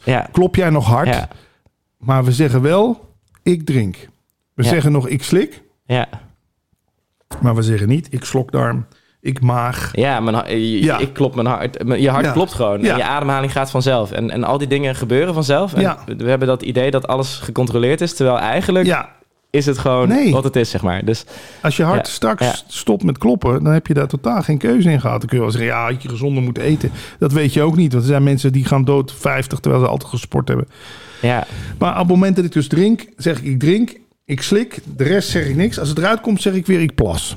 Dus dit stuk hier, helemaal tussen eh, mond Ja. en, en, en, en, en, plas, eh, eh, piemel zullen we maar zeggen, da, da, da- dat gaat al allemaal vanzelf. Daar hebben we ons al bij mij neergelegd. Misschien gaan wel heel veel dingen in het leven allemaal vanzelf. ja, En komen we er later bij en denken we, ah, shit, dat had toch niet mogen Ja. gebeuren. Ja, maar het gebeurde. ja. Ik vind het wel lekker met het idee van dat je het zelf bestuurt of zo. Dat is gewoon wel leuk. Of Ja, zo. dat, idee moeten we ook zeker niet eh, Ja. te niet doen. Want dat is ook een soort collectieve afspraak die we hebben. Ja, ja. Je, je, dat is het gekke. Je moet, we hebben wel en geen vrije wil tegelijk eigenlijk. Precies dat, ja. Ja. Dat was volgens mij ook toen we dat gesprek hadden, acht jaar geleden, was dat de conclusie. Ja. Van het is er allebei. Ja. Het is niet het een of het ander, Ja. maar het is, het is een heel gek iets. Ja. Maar uiteindelijk is het toch soms ook wel eens lekker om dan gewoon op momenten dat er grote dingen gebeuren. Je rijdt je auto in de brak. Heb ik daar bewust voor gekozen? Nee, natuurlijk niet. Het overkomt je. ja. Liefde overkomt je. De dood overkomt je. Honger overkomt je. Je kan niet kiezen om te honger te krijgen. Nee. Ja, dan kunnen mensen zeggen, ik kan het toch opwekken door heel veel plaatjes van eten. Ja, maar waar kwam die keuze dan weer Ja, vandaan? om dat te gaan. Ja, Ja. precies. Ja. Dus zo bij, dan kom je natuurlijk op een, op een doodlopend pad of op een rotonde waar je nooit meer vanaf komt. Maar ja, ik vind het interessant om daarop te knabbelen. Maar ik heb er ook de tijd en de energie voor. Ja, ja. Top. Ehm, maar goed, dus eh, ja, eh, ja, eigenlijk wat er dan... Ik, het is leuk om dan het ook een beetje te zien als een film of zo, vind ik soms. Ja. Zo het leven van, je, je kijkt gewoon naar, een film... en dan vind je het ook lekker om eigenlijk jezelf even te vergeten... en in, Ja. in de rol van die hoofdpersoon te op. duiken, zeg maar. Ja, Want ja, een film waarbij dat niet is, dat, dan Ja. kijk ik een beetje... Ah, nou, Ja. dat is wel echt slecht belicht. ja, of, eh, ja dat- dan, ga je, dan zit je er niet in, zeggen we Nee, dan. precies. Maar dat wil je ook. We willen Ja. gewoon even helemaal in, daarin Ja. duiken, zeg maar. Ehm, dus ja, laten we nog even teruggaan naar, naar jouw film dan. Ja. Ehm, dus, eh, nou, eh, crisis, eh, thuis zitten. Ehm, maar er is daarna dus iets ontstaan. En dat is dus podcast maken. Ja, vanuit je eigen interesse? ja, die mensen. Ik, Ja. bij de radio vond ik altijd al leuk om telefoongesprekjes te voeren. Podcast is eigenlijk gewoon één lang, ja, lang Ja. telefoongesprek. We doen het er nu tegenover elkaar. Ik vond dat praten altijd leuk, op het laatst leuker dan die muziek. Ja. Dus eigenlijk een logisch voortvloeisel ook weer dat ik podcast ben gaan doen. En ik doe nog wel twee uurtjes radio op vrijdagavond met mijn favoriete muziek, oude hip-hop. Mhm. En ehm, ja, voor de rest hoor je mij niet klagen. Maar ik heb natuurlijk ook wel geluk weer. Ik heb dit huis van spaargeld kunnen kopen. Ik heb niet een dure hypotheek. Ik heb hier geen stoet kinderen rondrennen. Dus ik, dit is, zo- ik, ik zie me echt wel in wat voor een bevoorrechte positie ik zit. Maar ja, ook dat heeft weer zijn nadelen. Want ik snak sommige dagen echt naar collega's. Ja. Ik snak sommige dagen echt naar. dat Ik denk, goh, had ik toch maar gewoon... Wist ik maar dat om vijf uur eh, mijn vriendin thuis kwam van het werk. Weet je wel? Dus Mhm. ja, het heeft, het heeft allebei de kanten. Ik, ik denk ook dat niemand het perfecte plaatje heeft. Het lijkt misschien zo, maar Mhm. bij, zelfs nu bij mensen die heel veel geld hebben... die balen natuurlijk als meeste dat de euro minder waard wordt. Ja. Je kan nu maar beter niet te veel spaargeld hebben, want het wordt steeds minder waard. ja, dat is waar. Ja. Om maar eens iets te noemen. Dus ja, dat is ook bij mezelf nu ook merken. Ik denk, Ja. oh, relax, ik had echt lekker gespaard. Ja. En nu, oh, oké. Maar ja, ik, heb- ik heb nog geen huis kunnen kopen. Dus dat, is dan, dat zijn van die dingen, hè. Dat je dan toch altijd weer bezig blijft Ja. van... Oh, had ik dit maar... Nou, Ja. Maar ja, het is gewoon Nou wat ja, het is. dus- Dus, eh, maar daar Ja, moet je zelf ja. ook niet voor om de oren slaan. nee, want dat kan ook niet. Het is- heeft geen nut. Ja. er komt ook Dus, eh, vaak weer een moment dat de huizen ineens weer een stuk minder waard worden. En dan denk je weer, hè, wat lekker dat ik toch gewoon gehuurd Ja. heb. Ik, ik had zo met een vriend van mij over, die heeft net een huis gekocht. En die zei, ik zit ineens zo, ik, zo... Vorig jaar stond ik nog bij een woningprotest. En nu zit ik ineens in die groep die denkt... Oh ja, ik hoop dat eh, de prijzen bij- van de huizen maar blijven stijgen. Ja, maar zie je. Dus het is zo selectief ook. Ja. En eh, ja, het is, eh, hij zei dat een beetje gekscherend, maar er zit natuurlijk wel een kern van waarheid Zo werkt het. Ja. Ja. En jij bent dus die podcast gaan opnemen. Eh, kun je, eh, verdien je er ook geld mee? Of hoe... Ik heb daar een sponsor voor. Oh, dat is super. Ja. Ja. Ik Ja. hou niet van dat petje af en bedelen voor donaties. Ik weet niet hoe jij daarnaar kijkt. Ehm, ik sta daar wel op zich redelijk positief tegenover. En waarom dat eigenlijk is, is ik, nou ja, het is een beetje, het is ook mezelf goed, goed ik, ik doe het niet hoor, maar ehm, eh, ik, ik, ik leef nu gewoon van lezingen. Ehm, maar ik, ik vind dat soort initiatieven altijd heel erg leuk, dus ik steun ook wat mensen met petje af. Ehm, maar ook omdat geven maakt je gewoon gelukkig. Dus Ja. ik vind het een veel fijnere manier van geven, Ja. omdat die, je geeft iets van, hey, ik, geef, hem- ik maak een leuke podcast, Ja. je vindt het leuk, je mag iets teruggeven. En het is niet zoals kopen. Bij een kooprelatie is het gewoon, je koopt het en daar zit niet echt een gevoel bij. Ja, En waarom ik heel positief naar dit kijk, is gewoon, jij geeft iets vanuit je passie, je Ja. wordt er blij van. Mensen, je geeft mensen de kans van, hey, je mag iets neerleggen en eh, het is geen verplichting. En mensen kiezen daarvoor en die worden dus ook blij van om te geven. En jij wordt er blij van. Dus in mijn optiek is het gewoon een soort win-win situatie. Ja. In plaats van, eh, hey, je moet mijn podcast kopen, is het gewoon, nou, hier ligt een petje. Als je Ja. het leuk vindt, leg er maar ja, wat in. ja, ja, ja. En dan nog zelfs minder dan met als ik ehm, op straat zit. Eh, ik heb wel eens op straat muziek gemaakt.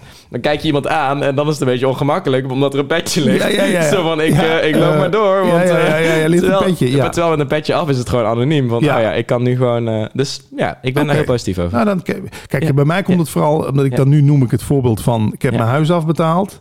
En dan zou ik daarna gaan zeggen, nou, steun de podcast. Ik, dat vloekt bij mij een beetje. ja, ik heb het op dit moment niet nodig. Ja, Maar kun je zeggen, ja, de toekomst misschien toch wel. Maar ik vind, voor mij zit de waarde van podcast maken in dit, hè, de ontmoeting. ja, absoluut. Ja, ja. En het feit dat we weer mensen inspireren. En dat misschien toch door jouw podcast weer mensen naar Leven zonder stress gaan luisteren. Of het boek gaan kopen. Ja. Of... Ik denk dat kruisbestuiving, dat bevalt mij altijd wel het beste. Maar ik, ik zal er nog eens over nadenken, over dat hele donatiemodel. Ik, ehm, nou, Ja. ik heb dus gewoon één donateur die gewoon eh, een donatie doet maandelijks. Oh, dat is fantastisch. Ja. Ja. En hoe heb je die gevonden? Gewoon door te gaan doen? Nee, die heeft zichzelf aangediend. Dat is ook wel weer mooi, ja. Bijzonder. Ja. Zei, ik vind het zo belangrijk geluid wat jij doet. Ehm, zou jij ehm, dit, eh, of, of vertel wat je nodig hebt per maand en dan... eh, Wauw, Ja, fantastisch. Ja. super. Ja, ik denk met, de- met zoiets van oh, je huis afbetaald. Er zijn ook heel veel mensen die ook hun huis hebben afbetaald. En die dan misschien denken, oh, ik vind dat gewoon leuk. Ook al heeft hij, ja, om, om- die hebben gewoon extra. En, Ja. die, die denken, ik heb het ook niet nodig. Ja. En nou, ik, ik vind dit, je brengt ook een stem uit, zeg maar. Van, eh, ah, ja. ja, ja, nee, maar dat is het. ja. Dus dat is, dat is hoe ik het een beetje zie. En Dus, ik, heb, ja, ik, heb, ja, ik ben in de positie dat het kan. Ja, Want als ik inderdaad nu gewoon weer van 9 tot 5... daar ben je ook geen type voor volgens mij. Van 9 tot Nee. 5 op een kantoor zou moeten gaan zitten. Dan konden we dit soort gesprekken ook niet voeren. Dus het is ook nog een luxe positie die je hebt. ja. Maar ik heb voor jou straks ook een cadeautje. Vind jij, vind jij, vind jij Rumach, vind je dat leuk of niet? Eh, ik heb ooit die aflevering van Zondag met Lubach gezien. Oh, dus die ben daarna- iets kritischer. Ja? Ja dus dat, ik, ik, ik, ik- ja, dat. Maar Ik, ik, heb de Rumach scheurkalender voor je. Laten we hem gewoon... Ja, eh, ik neem ga hem niet mee. Ja, is goed. Leg hem op de ik, wc ik hou wel van humor. En, Ja, toch? dat vond ik trouwens ook leuk aan jouw boek. Dat je vertelde dat iemand je een keer verteld had, eh, of een psycholoog of zo, van... ehm, ik moest gewoon meer de Donald Duck gaan lezen of gewoon eh, le- leuke, vrolijke dingen. Nou, ik heb een Dirk Jan scheurkalender. Ja, ik, ben, ik ben gigantisch fan van Dirk Jan. Ja, ik dat ook. is echt ja, fantastisch. Het Die is goed. gewoon... En, ja, ik weet niet. Elke dag zo'n beetje die humor in je Ja. leven, dat is gewoon heerlijk. En Dus, eh, humor is een krachtig medicijn. ja, dat is fantastisch. Ja, Ik heb, en Shakespeare zei ooit, humor is de hoogste vorm van liefde. ja. dacht ik, wow. Ja. Als jij mij aan het lachen kan maken of ik jou, Ja, dat is toch is fantastisch? instant verlichting, ja. Ja. Nee, dat zei hij inderdaad. Zo'n huisarts zei tegen mij, je moet dus wat lucht in dat leven gaan brengen. Toen heb ik ook meteen luchtigleven.nl geclaimd. Ik Oh, dacht, nice. nou, dat- ja. ik dacht, daar ga ik ooit nog een coachingpraktijk mee starten. Ja. Is er nooit van gekomen, Ja. maar... Of nog niet. Maar hij zei inderdaad, wat vond je vroeger leuk om te doen? Ik zeg, stripboeken lezen. Ja, ga stripboeken lezen. Wat nog meer? Ja, South Park. kijken. Ga South Park kijken. Weet je wel, je bent het leven te serieus aan het nemen. Ja. En dat was een prachtig advies midden in een burn-out. Want de meesten komen inderdaad met gezond eten, sporten. Ja, precies. Sta op tijd op, gaan zwemmen. Nee, probeer die- wat je in je jeugd plezier gaf weer eens terug te vinden. Het is gewoon zo lekker praktisch. Ja, ja, ja precies. Ik, heb ook, ik lees nooit het nieuws, ik lees alleen de speld. En zo Ja. kom ik het toch ook al te weten. Want soms denk ik, ik snap dit artikel niet, ik wil de grappen grijpen. En dan denk ik, oh, wat is er aan de Even het hand? origineel zoeken. Ja. ja, dus uh, Nee, heel goed. ja. Natuurlijk zit daar ook weer het risico aan. Je moet eh, alles weglachen, schiet natuurlijk ook Nee, niet natuurlijk op. niet. Nee, maar Want, eh, maar ik ben met je eens. Mijn vader zit de hele dag die oorlog in Oekraïne te kijken. Ik zeg, vind je het gek dat je zo angstig bent? Je haalt de angst gewoon de huiskamer in. Ja. Je kan ook de luchtigheid de huiskamer inhalen. ja. Ja. Ja, of een combinatie of Ja. iets. Ja het, is het, ja, het is ook niet een of het ander of zo, Nee. dat denk ik. Ehm, ja. Maar dan kies ik liever voor jou weg. Toch gewoon wat, Ja. Dan hoor dat jij gewoon je duim opsteekt naar zo'n tractor. ja.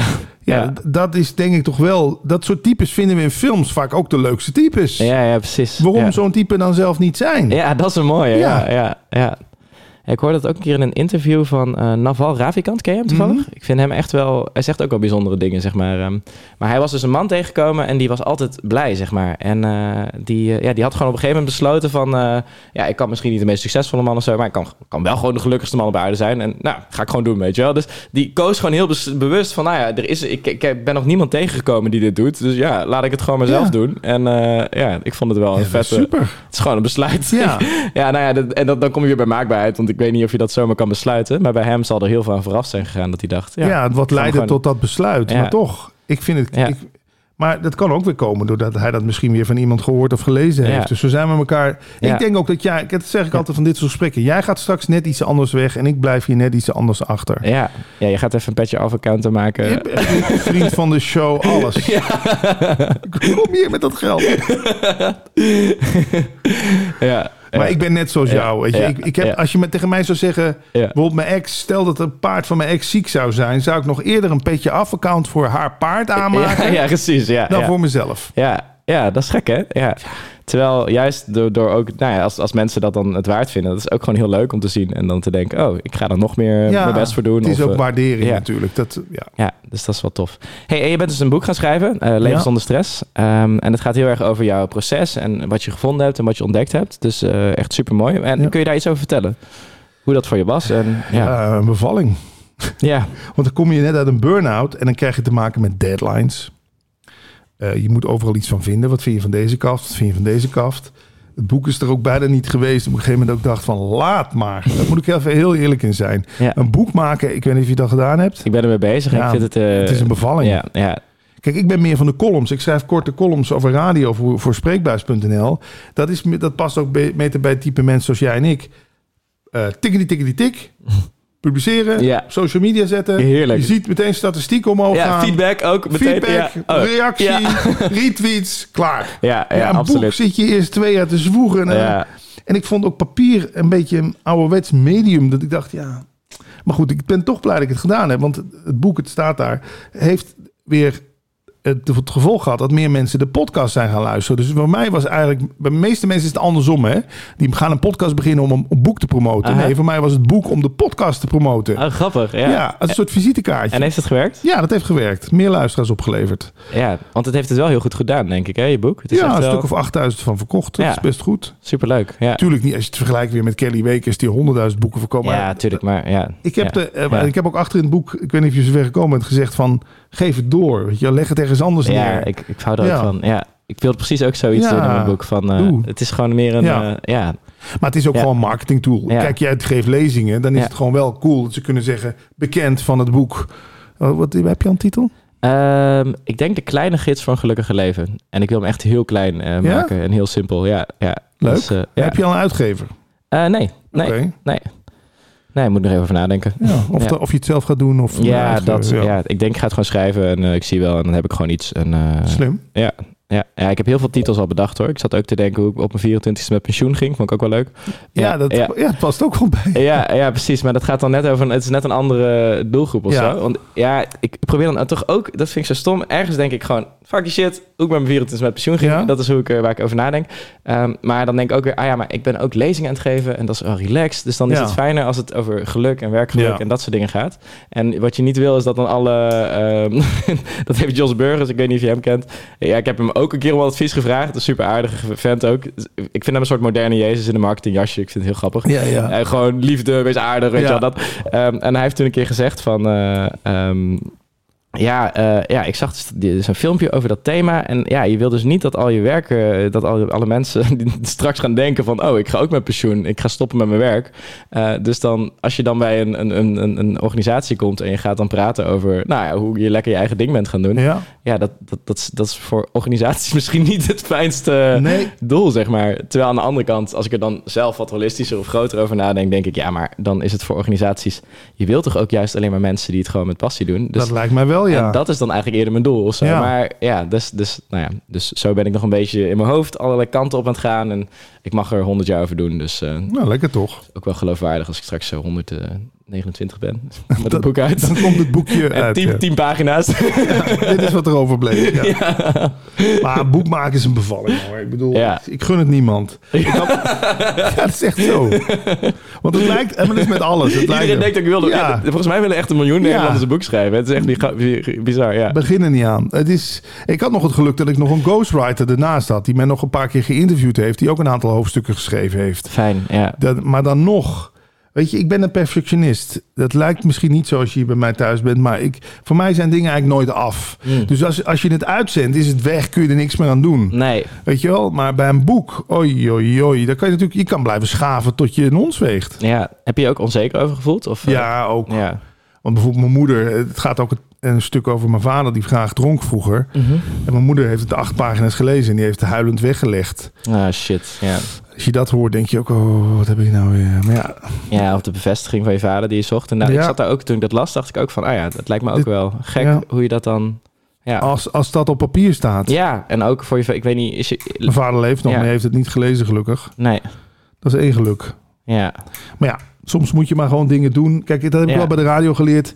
Je kunt beter achteraf sorry zeggen dan van tevoren om toestemming vragen. Ja, ja, ja precies. Ja, zo sta ik ook echt Ja. in het leven. Ja. Weet je wel? Ik Goeie, bedoel. Niet, niet zozeer met dat je het vreemd gaat of dat je Nee, mensen precies. besteelt. Maar met, met creativiteit moet je gewoon... ja dat Gaan. ken ik ook wel. Ja, ik heb dat soms ook wel, dat ik dan gewoon denk... Nou, ik moet gewoon nu even lekker gaan. En dan, ja, dat, eh, dat is gewoon fijner. Want ik, ik heb ook wel eens, als ik dan te veel erover ga praten van tevoren... dan, dan wordt het weer anders of dan, dan duurt het weer langer. Of, dan is eh, het vuur weg of zo, hè? Ja, precies. Ja.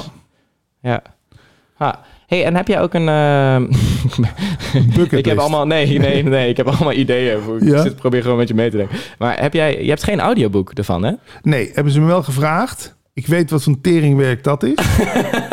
nou ja, ik, ik, ik Ja? luister heel graag Storytel. En eh, ik wilde ik- eigenlijk jouw boek luisteren. Ah, stom hè? En dan stond hij dus te lezen. En ik denk, maar je hebt ook een radiostem. En ik denk, dit is ja, gewoon... maar dan ben, ja. ik, dan ben ik gewoon even heel eerlijk. Ze wilden daar geen cent extra voor betalen. Ja, nee, dan... Ja, En dan denk ik, ja, kom op hè. Ik weet hoeveel werk dat is. ja precies. Ja. Ja, dat is dan Ja, maar is toch geinig? Dan is er ook een audioboekversie. Ja, geinig. Ja, ja, precies. Kijk, uiteindelijk dacht ik ook van, nou, ik heb, dan kom je toch weer. Ik heb liever dat mensen dan de podcast gaan opzoeken. Ja, nee, dat is natuurlijk... Daar zit het ook allemaal in Ja. natuurlijk. Ja, ja. En dat ze zich eens, want dat vind ik het fijn aan podcast. Wij zijn nu ook al een uur met elkaar in gesprek. Je kan gewoon de diepte in. Weet je, in plaats van vijf minuten op de radio of tien minuten op tv of weet je wel. Ja, zeker. We zijn al een uur aan het praten. 58 minuten. Oh, wauw. Oké. Ehm, nou, ik heb eigenlijk nog wel een paar vragen. Nee, ga door. eh, ja, Nee, ik, ik, heb, ik heb zelf ook helemaal geen eindtijd of zo. Nee, dus, nou, eh, eh, maar, Santé, wil Ja. je nog wat drinken? ja. Moet ik even bijvullen? ja, glaasje water. Lekker. Ja, doe jij even de promo voor, je, voor je, de rest van je project. Promo voor de rest van projecten. De mensen je boeken? Eh, online. Je kunt me via LinkedIn mag je altijd een bericht sturen. Ook over als je vragen hebt over deze podcast. Of over je geluk of dat soort dingen. Ik, eh, ik hoop je gewoon te kunnen helpen. Ik kan het niet garanderen, maar Oké, maar je coacht ook dus. nou, niet echt. Ik vind het gewoon leuk om mensen te helpen. Ja. Ja. nee, ik doe echt alleen lezingen en workshops. Dat, dat is het gewoon. Oh, en dat doe ik voor studenten. Ik doe het voor eh, bedrijven. Eh, dan help ik mensen met werkgeluk. Ik heb een heel traject ook waar ik dieper de diepte in ga, zeg maar. Ja, En je kunt factureren, hè? Ik kan factureren. Je Ja, bent ZZP'er, hè? ja, ja, zeker. Maak jij nou ja. geen zorgen nu dat er waarschijnlijk een verplichte verzekering gaat komen voor ZZP'ers? Nee, helemaal niet mee bezig. Ik zie het wel. Het gebeurt als het gebeurt. En eh, ja, het is, ik ben nu gewoon lekker mijn dingen aan het doen en het gaat super goed. Ik heb echt super veel leuke projecten, dus dat is gewoon echt tof. Ehm, ja, dus dat is gewoon even fijn. Cool. Ja, en eh, ik zie wel wanneer... eh, ja, wa- wa- wanneer komt dat? Nou, dat Ik- is ik het nu ook aan het vergaderen. Ik heb er ooit een keer iets over gehoord, maar nu je het weer zegt, denk ik... Oh, moet ik me zorgen Ja, nee, nee, precies. Ik Ja, moet je ja. daar ook niet meer lastig van. Ja, maar dat komt dan weer via mijn broer. Die Ja. plant dan weer een zaadje bij mij. En Ja. dan zie je, dan zit ik. Je kan dus ook gewoon inderdaad zorgzaadjes planten bij elkaar. Hè? Ja, Moeten we niet te veel doen. Alhoewel ik het ook gewoon weer lief bedoel. Want ja, ik bedoel het niet om jou eh, de stuip op Nee. het duif te jagen. Maar ik, ik- soms ben ik ook eens benieuwd hoe, hoe kijkt iemand anders er tegenaan. En inderdaad, ja, het is er nu nog niet. Dus waarom Ja. zou je er druk om maken? ja. Ik vind het trouwens wel grappig, je had het net over zo eh, reclame, maar of, of gewoon dat, dat het lastig is om dan zo jezelf, zeg maar, van je zou wel voor het zieke paard van eh, iemand anders Ja. doen. Dus jij zegt, oh, ga even promo maken. En dat voelt dan zelf ook al bijna ongemakkelijk om dan te zeggen, oh, huur mij in, want ik ben een leuke spreker. Dat, Terwijl ne- Amerikanen, het is echt iets typisch Nederlands. Want. Amerikanen, man, die grijpen ieder moment aan om zichzelf te verbeteren of, of, Mhm. of, te, of te promoten. ja, Het zit echt in onze cultuur hoor. Ja, dat je, oh nee, weet je wat ik ook altijd zo haat? Dan zie ik op LinkedIn. Ik mocht voor die en die dat en dat doen. Ah, ja. ik mocht. ja. Stel jezelf nou eens niet zo bescheiden op. Je kan dat goed. Je, ik ben gevraagd om ja, dat en dat ja, te doen. Ja, precies. Ja. Ik mocht te gast zijn. ja. Ik vraag me af of ik mezelf wel schuldig aan gemaakt heb. Zou zomaar kunnen. Ja, dat, en dat is gewoon, ja. steken dat we elkaar ja. mee aan. Ja, gek is dat hoor. Ja. En ik heb het ook dus echt, zeg maar, ik, ik probeer dus ook het wel te doen of mezelf ertoe te pushen om dat dan te kunnen of Ja. zo. Maar het voelt ook wel soms, ja, vaak wel een beetje uit mijn comfortzone en weg van mezelf. En dan is het weer de vraag, moet ik dan uit mijn comfortzone gaan of niet? Want dan denk ik, is het dan de angst die ik voel of is het meer omdat ik het gewoon eigenlijk eh, niet zo sympathiek vind? Ja. Dus dat zijn ook van die... Ja, Terwijl ik ja, denk dat je je luisteraar nu gewoon helpt. Ja, Ik, dat, is- dat heb ik wel bij de radio Ja. geleerd. Weet je, zeggen ze altijd reset the stage. We gaan er veel te vaak uit van voorkennis. Aha. Ja, maar mensen weten al lang dat ik iedere dag van 4 tot 8 op de radio ben. ja. Nee, er zijn er minimaal 10.000 die voor het eerst naar je luisteren. Die Ja, geef je daarmee zo, ja. een cadeautje door te zeggen... hé, hey, je luistert Ja. naar Kikken in de middag. Iedere middag van 4 tot 8. Ja. Ja, dat is wel echt top. Ja. Ja. nee, het is wel goed om dat Ja. gewoon te zeggen, zeg maar. Ja, dat ben ik wel met je eens. Ja, Ja. Dus als jij een website hebt, is dat marijnruis.nl? Ja. Ja, nou... top. Dat, Ja. ik, Ja. Zolang het niet inderdaad, wat je bij sommige podcasts hoort, om de 10 minuten. Hé hey jongens, like, subscribe, ga naar de ja, website. precies. Ja. Ja, dan wordt het, dan wordt het irritant. Ja, ik had dus pas bedacht, en ik heb ook een online cursus gemaakt, dat ik dan dacht van, ik ga die dan aan het einde van de podcast doen of zo. Maar ook daar zit ik dan weer mee te spelen van, ah ja, wil ik dat of niet? Want ik wil ook niet het, mensen het gevoel geven dat ik eh, iets kom halen of zo. Maar ook is dan weer mijn gevoel, ja, maar ik breng ze ook iets met die Ja. cursus, dus ik heb echt Ja. het idee dat mensen er blij van worden. Maar dan, dus dat zijn ook van die, van die, van die gedachten die dan de hele tijd eh, komen bouncen van, ah ja, wat is nou wijsheid of zo? Dat heb ik met die gratis e-books. Iedereen heeft tegenwoordig een gratis e-book. Ja, maar zeg nou gewoon eerlijk. Je wil e-mailadressen verzamelen, zodat je mensen daarna kan gaan bestoken met je aanbieding van Ja, ja, ja, maandtraject. Ja, ja. ik vind het ook, wel- dat is wel echt grappig. Eigenlijk zou je dat gewoon, ik, ik, ik geloof wel in zo'n eerlijke sfeer. Ja. Van, hey, eh, ja, hey, trouwens, wil je trouw, Ja. van, eh, eh, wil, wil je je e-mail achterlaten? Dan ga ik je mailtje sturen. Ja. Ja. ik heb ook ehm eh, Daan Boom, eh, ik weet niet of je hem kent toevallig. Ja. Ja, hij heeft ooit Streetlab gepresenteerd. Ik ken Oh hem ja. niet persoonlijk Ja, ja, hoor, maar ik vind hem heel erg leuk en heel grappig. Ehm, en hij ehm, is dus op een gegeven moment rapper geworden. Eh, dat is een soort project geworden. En dan heeft hij dus, zet, hij, bij zijn video zet hij eronder like voor het algoritme en comment voor het algoritme. En dat werkt gigantisch Ja. goed. Mensen allemaal, hey, comment voor het Dat algoritme. eerlijk. Ja, dus, en die Ja. eerlijkheid is gewoon Ja. heel erg leuk of zo. Dus dat is, Dat voelen mensen. ja. Want dat En dan inderdaad... denk je, ja, natuurlijk ga ik je wel even helpen met een mini-reactie of zo. Dat is gewoon, ja. Dat hoor ik over mijn podcast Leven zonder stress ook. In vergelijking met Giel die Koekeroe doet. Zeggen ze, ja, Giel is me veel te commercieel aan het worden. Mhm. Like dit, like dat. Ga naar koekeroe.nl slash doe mee met de winnenactie. Bij jou is dat allemaal niet. Jij gaat gewoon zitten met iemand en... En dan hoor ik achteraf nog wel eens dat diegene die ik geïnterviewd heb... daar weer een hoop business uitgehaald heeft. Tuurlijk hoor ik dan Ja. bij mezelf ook een stemmetje wat zegt... ja, what's in it for me? Ja. Dan denk ik, laat gaan. Het zal... Weet, geloof jij in karma-punten?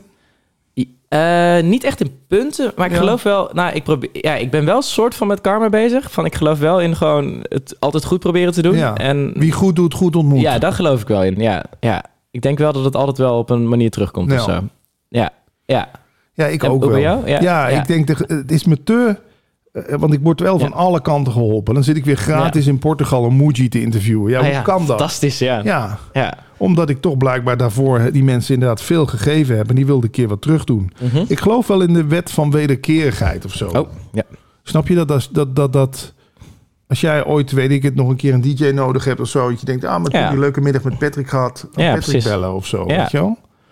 Ja, daar geloof ik ook Ja. wel in. Ja, het komt altijd wel weer op een bepaalde manier die, dat je ooit iets gezegd of gedaan Ja. hebt, wat, wat dan weer, ja, dat is top. Ja. En het is ook leuk als je heel veel eh, zaait, dat er dan op een gegeven moment toch een soort Ja. oogst is of zo. Ja, absoluut. Ik had dit, ehm, dit weekend dus op dat feestje eh, een jongen gezien die ik echt al jaren niet gezien heb. En die vertelde, eh, ik heb een filmpje van je gezien en daarin vertel je, we moeten vaker praatjes maken met elkaar, zeg maar. Ja, En eh, ja, ik woon eh, op een plek waar eigenlijk gewoon niet zoveel... eh, ja, ik ben het gewoon niet meer gaan doen. Mijn buurman zegt nooit hoi terug en zo. Toen zag ik dat filmpje en sindsdien denk ik... Weet je wat? Ik ga gewoon in, in mijn buurt, ook al is het geen sociale buurt... gewoon die guy zijn die nu gewoon tegen iedereen Ja? hoi zegt of zo. Ja, en, eh, dat heeft me zo geraakt dat je denkt... Wow, dit is gewoon... Dit, ik heb dit jaar geleden zo'n Ja? filmpje gemaakt... en er is iemand die daar gewoon echt iets mee is gaan doen of zo. En ja, dat is een soort van karma dat terugkomt. Want Ja. ik hoor het dan weer terug. ja en, dat maakt jou blij. En dat motiveert me ook Ja. om te denken... oh, ik ga vaker dit soort dingen maken. Of ja, dat is natuurlijk superleuk. Ik vind het trouwens wel grappig. ehm, over ego's gesproken. Ja, Ehm, want jij spreekt dus al die... eh, nou, de, je, hebt, je, hebt, je hebt allemaal mensen gesproken. Zeg maar de, de, de grootste gurus en zo. Ehm, en ik vraag me dan wel eens af... en volgens mij hebben die ook gewoon best wel een groot ego. Ehm, en dat vraag ik me dan... Ja, dat ik, ik, ik- je gaat geloven van... ik ben de guru die dit aan het vertellen is of zo. Dat, dat is gewoon een gedachte die dan in Ja. me opkomt. En ik ben benieuwd hoe jij daarnaar kijkt, zeg maar. Ja. En misschien wil je dat ook niet zeggen. Ja, je hoeft ook geen namen te noemen. Maar het is gewoon... Ja, Ja, dat hou je bijna niet buiten de deur. Maar ik Ja. heb vaak het idee dat dat ook door de mensen eromheen gecreëerd wordt. Ah ja. Zij zoeken, de, de zoeker zoekt iets om te vereren. Mhm. Ja, en dan neemt de guru maar de rol aan van degene op het podium die vereerd wordt. Ah ja. Het werkt twee kanten op. Het is net als een dynamiek in een relatie. Als ik, als ik me als voetveeg laat behandelen, dan behandelt die ander mij als voetveeg. Snap je een beetje wat ik bedoel? Ja, absoluut. Ja. Dus ik geloof heel erg in, ja, er is ineens weer behoefte aan eh, een nieuwe boyband. Dan is er ineens weer een nieuwe boyband waar alle meiden van 12, 13 helemaal in katzwijm kunnen vallen. Oh, de Mhm. Backstreet Boys 2.0. Ja, dus die behoefte is er ook Ja. Om, ja. Dus ik geef dan, ik ben nooit zo met de schuldvraag bezig. Kies, want dan denk ik, kies die guru er bewust voor Mhm. om de guru uit te gaan hangen met het grote ego. Mhm. Of wordt hij ook een soort van gemaakt zo? Mhm. Ja. Weet je, dat is toch, dat zie je ook bij artiesten. Weet je, artiesten zijn redelijk normaal tot het moment dat ze een enorme hit scoren en ze krijgen eh, heel veel fans. Ja, ja. dat, dat is onnatuurlijk of zo. Ja, dus dan gaan ze zich ook arroganter opstellen, want iedereen wil wat van ze en zo. Snap ik bedoel? Ja, absoluut. Ja, Dus daarin Ja. wil ik het toch een beetje voor de guru opnemen. ja nee, dat is wel mooi. Ja. Het stick-up voor de, voor de midden. Ja. De, de small man. Nee, ge- geintje. Het is Voor de guru. voor die stick-up voor de guru. Ja. Ja. Moet een soort van stichting beginnen. Ja, Ja, ja. help de guru. nee, maar er zullen uitzonderingen zijn. Mensen die echt... Kijk, wat ik zei, seksuele selectie speelt Ja. natuurlijk bij die goeroes ook mee. Hè? Ja, ja. Als die ook nog een soort onvervulde behoefte hebben... omdat ze vroeger nooit een meisje konden krijgen... Ja, en precies. nu liggen alle meisjes in yoga-houding voor hun voeten... ja, Ja, wees dan nog maar sterker dan de natuur. Ja, precies. Ja. ja, dat lijkt me dus ook wel de uitdaging. Ik denk ook als je over dit soort dingen praat of zo, dat je dan. Ja, ik, ik zou gewoon bang zijn dat ik iemand zou moeten zijn die dan in dat, in dat, dat, dat, dat moet zijn Ja, altijd. Ja, of zo. dat, is een last hoor. het, ja, het lijkt me ook wel zwaar. Ja. Ja. Maar ik vind, ja, in Amelie zeggen ze ook, volgens mij komt er zo'n, zo'n die film, heb je al vast Prachtig, gezien? ja. Het is een van mijn favoriete films. En dan zegt, volgens mij zegt een kindje, kindje ook van, je moet niet eh, eh, naar het standbeeld kijken of zo, die, eh, maar naar, naar de plek waar die naartoe wijst of zo. Ja, ja, ja. Dus van ja, je moet nooit kijken naar de persoon, maar naar waar die het over heeft. Zeg dat maar. is en, het. En en dat gebeurt natuurlijk veel bij goeroes. Dat dat dan... Ja, je gaat het... Ja, Ja. ik heb daar zo mooi over gehoord. Ga niet de postbode vereren voor Mhm. de liefdesbrief die hij kon brengen. Ah, ja. Hij komt, hij komt iets brengen. Het gaat om wat er in die brief staat, niet om de postbode. Maar ja, Ja, wij zijn ook wel, dat wordt ons ook aangeleerd. Oh, Ja. jij bent fantastisch. Ik hoor bij jou. Ja. Jij bent mijn meester. ja. Ik zou het ook verschrikken. Ik, niemand houdt van die ongelijkwaardigheid, toch? Ik vind het ook wel leuk van, ik ga niet de ik vind het ook wel leuk om wel de postbode te vereren. Dat Ja? je denkt, omdat, ja, maar dat is vooral omdat hij niet echt vereerd wordt. Oh, van, de echte van- postbode. Ja, dat ik dan denk, ja, hoe, hoe tof eigenlijk dat die liefdesbrief bij mij komt. Ja, doordat door die postbode. postbode. is ook weer waar. Ja, Als je het zo bekijkt. Dus het is allebei weer waar. ja, wederom, dat is Ja. toch wat alles. Het is Ja. eh, De paradox. ja. Ehm, wat ik nog heel mooi vond bij het begin is, zei, je, je was dus, ehm, op een gegeven moment ontdek je dat je, eigenlijk heb je niks nodig om gelukkig te zijn. Ja. Dat je eigenlijk geluk in essentie bent. En het, als je iets krijgt, is het net alsof dan even de wolken voor de zon verdwijnen en daar is de zon weer.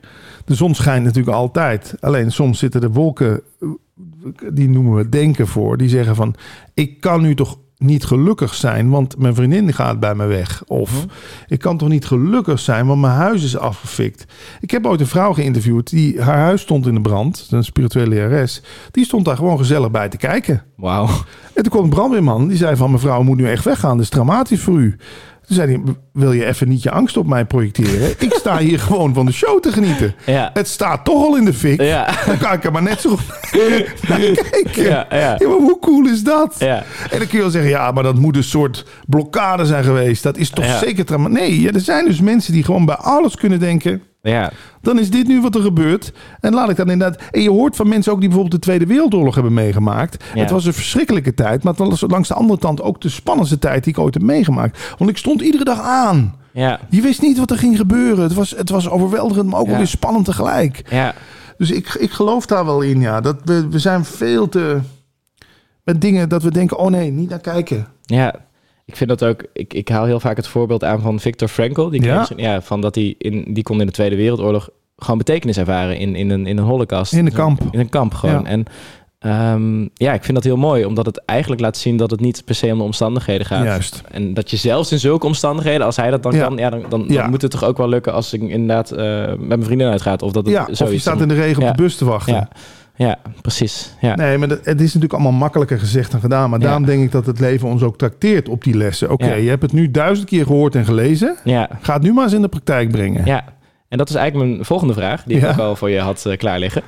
Wat zijn een paar praktische tips die jij misschien hebt voor de luisteraars van, ja, wat misschien zou kunnen helpen om je gelukkiger te voelen? Mm, nou, maar wel al, dankbaarheid is een krachtig medicijn. Ik heb vaak, als ik, me- als ik baal, ga ik iets liefs doen voor iemand anders. Ja. Weet je, dan, ik maak altijd, ehm, dus voor mensen die ik ken, ik kom eigenlijk nooit met lege handen als ik ergens op visite ga. Mhm. Heb ik een shampootje en een dingetje. En dan, en dan maak, ga ik tasjes maken. En dan maak ik die, zet ik die tasjes alvast klaar. Want ik weet dat ik van het weekend met die en die op visite ga. Mhm. Dan, of ineens is daar weer zo'n soort liefdevol gevoel.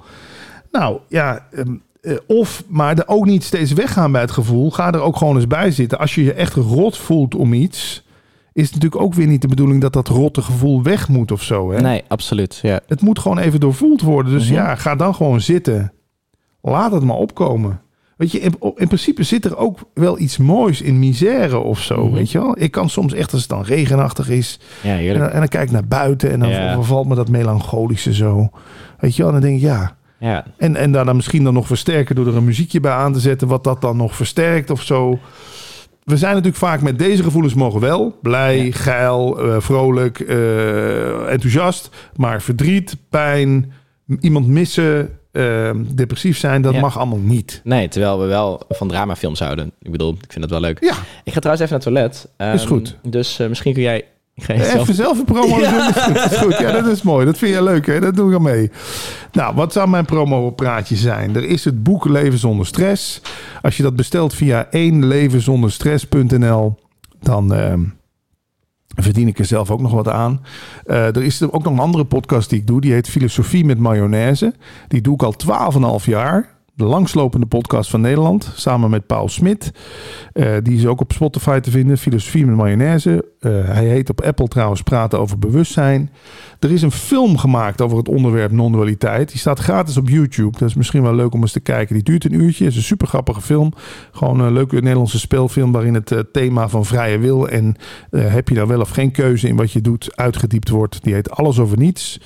En dan is er ook nog een Engelse film gemaakt. Hoe is Alice? Die staat ook gratis op YouTube.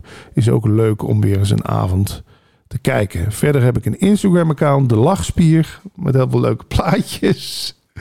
En eh, ik schrijf columns over radio op spreekbuis.nl. Nou, eigenlijk staat alles gewoon bij elkaar op patrickkikker.nl. En je bent er weer. Ja. Hallo, mijn naam is Marijn Ruis. Ik heb een keer gekeken op patrickkikker.nl. Dat was echt superleuk. ik moest ervan lachen. Ehm, en de deur staat nog open. Oh, ik doe hem even dicht. Ja, dat is goed.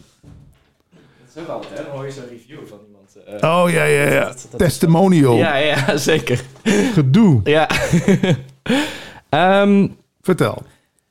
ja, ik vond het wel mooi. Je zei van, nou, ook, laat, die, laat dat eh, negatieve gevoel er ook zijn. Dus ga even zitten. En is het dan gewoon een film kijken of gewoon echt helemaal niks doen? Of hoe, hoe, hoe, hoe zit dat bij jou, ja, zeg maar? het meest ideale is natuurlijk gewoon inderdaad gewoon gaan zitten met het gevoel. Hè? Niet vechten, niet vluchten, maar voelen. En een rondje wandelen wil nog wel eens helpen. In de zin van, dan kan het een beetje zakken of zo, letterlijk. Hè? Want je staat recht. Ja, ik mediteer. Jij mediteert, hè? Mhm. En doe je dat ook om gevoelens te verwerken? Of...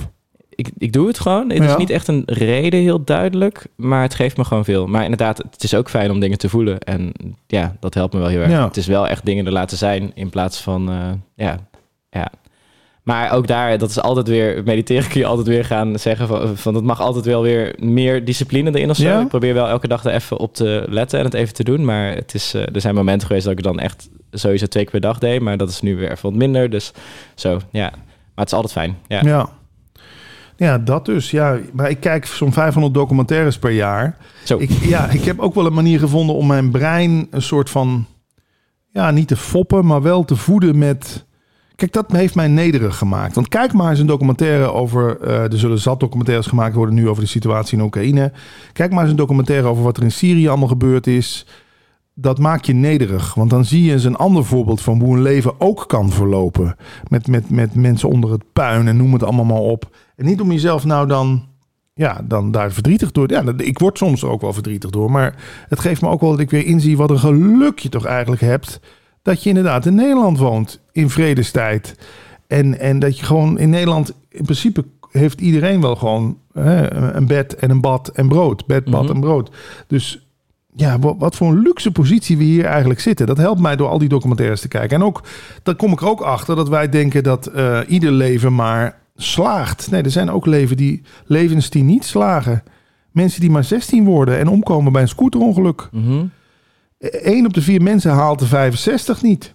Ja, dat is een gegeven. Ja, ja, En als je die documentaires kijkt, duik je gewoon steeds in allerlei andere levens van mensen. En dan zie je ook van, nou, die hebben geluk gehad, die niet. Die, die, die hebben dingen zus Ja. opgelost. Dat maakt mij heel nederig. En dat mag ook wel eens bij een mens, absoluut. toch? Zeker. Ik denk dat dat een heel eh, hoge, fantastische Ja. kwaliteit is, zeg maar. Ja. Je hebt ook zo'n ding dat heet, volgens mij heet dat de Survivors Paradox. En dat is inderdaad, bijvoorbeeld als je nou naar succesvolle mensen kijkt, die zullen allemaal zeggen, nou, hard voor werken, Ja. doe je best. Ja, En ehm, ja, en eh, ik heb dit en dat en dat gedaan. Maar we zien nooit de mensen die ehm, het niet gered hebben. Juist. Dus de mensen die in de picture Ja. staan, dus Ja. die ook hard Ja. gewerkt hebben en ook hun Alle best geld gedaan kwijt. hebben. En, en, en, Ja. en, en, die horen we niet op tv. Terwijl, ja, dus dat wil niet zeggen dat dat dan de waarheid is Ja. en dat dat dan, Ja. dan de manier is, zeg maar. Ja. ja, daar moest ik even aan denken. Van als je zegt, ja, sommige levens lukken ook niet en zo. Ik vind dat wel een mooie... Ja. Ja. ja. En heb je dan eh, concreet eh, een paar of één of twee documentaires waarvan je denkt, nou, die zijn echt wel heel mooi om eens een keer te gaan kijken. De Afrikaanse bruid, die vond ik fantastisch. Die staat, staat bij NPO gemist. Dat gaat over een Belg die met pensioen is en die gaat zijn heil in de liefde in Afrika zoeken. En er zijn natuurlijk, ja, als blanke man heb je daar aan iedere hand als je wil eh, een vrouw die geïnteresseerd is in jou. Ja, wist je dat het witte man is tegenwoordig trouwens? Oh, eh, excuus, mag ik niet meer Van mij mag ja, nee, maar, ja, Ja. ja. nee, ik probeer Nee, wel, ik probeer erin mee te gaan. Nee, dus dat- nee, goed is zeg. En wat moet ik dan van de andere kant van kleur? Eh, wit en zwart. Toch zwart weer? Ja, zwart, ja, ja, Even onthouden. ja. Nou, wit en zwart ontmoeten elkaar dan. En eh, ja, dat, die dynamiek. Ik heb hem drie keer gekeken, want de documentaire begint met dat we hem dood zien liggen. Mhm. Hij ligt daar dood. Oh shit. What the fuck?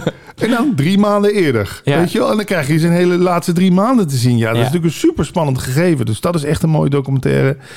En eens even denken of er nog een mooie is die op Netflix staat. Ehm, ja, eh, Cuba and the Cameraman. Dan gaat een cameraman, die gaat al 40 jaar lang, iedere vijf jaar naar Cuba... om dezelfde mensen op te zoeken die hij daar heeft leren kennen. Wauw, ja. Ja, dat is zo mooi. En dan zie je ook, als je Ja. geluk hebt... in Cuba hebben ze echt niet zo gek veel. Maar dan maken ze zich dan druk over de koe. Ja. Want die koe zorgt voor inkomsten. En, en, en weet je, dan, ja. Dus dat zou dan mijn tip zijn. Dus en Cuba en de cameraman en de andere heette de Eh, bruid. de, de Afrikaanse De bruid. Afrikaanse bruid. Ja, die staat op Ja. eh, Netflix. Ja, Ja, ja. Het, is, het is echt een bizarre documentaire, maar ook wel weer heel mooi. Ja. Dan zie je, soms zie je ook waar de mens toe in staat is. Hè? Ik denk, geloof ook wel dat wij gewoon, als hier oorlog zou uitbreken, dat, dat er ook krachten in ons loskomen. Daarvan je denkt, wow, ik wist niet dat ik dat kon. Ja. Eh 100 kilometer lopen, ik noem maar wat. Weet je Ja. wel? Ja, maar als het moet, dan moet het. Ja. Ja. Ja, dat is fantastisch. Ja.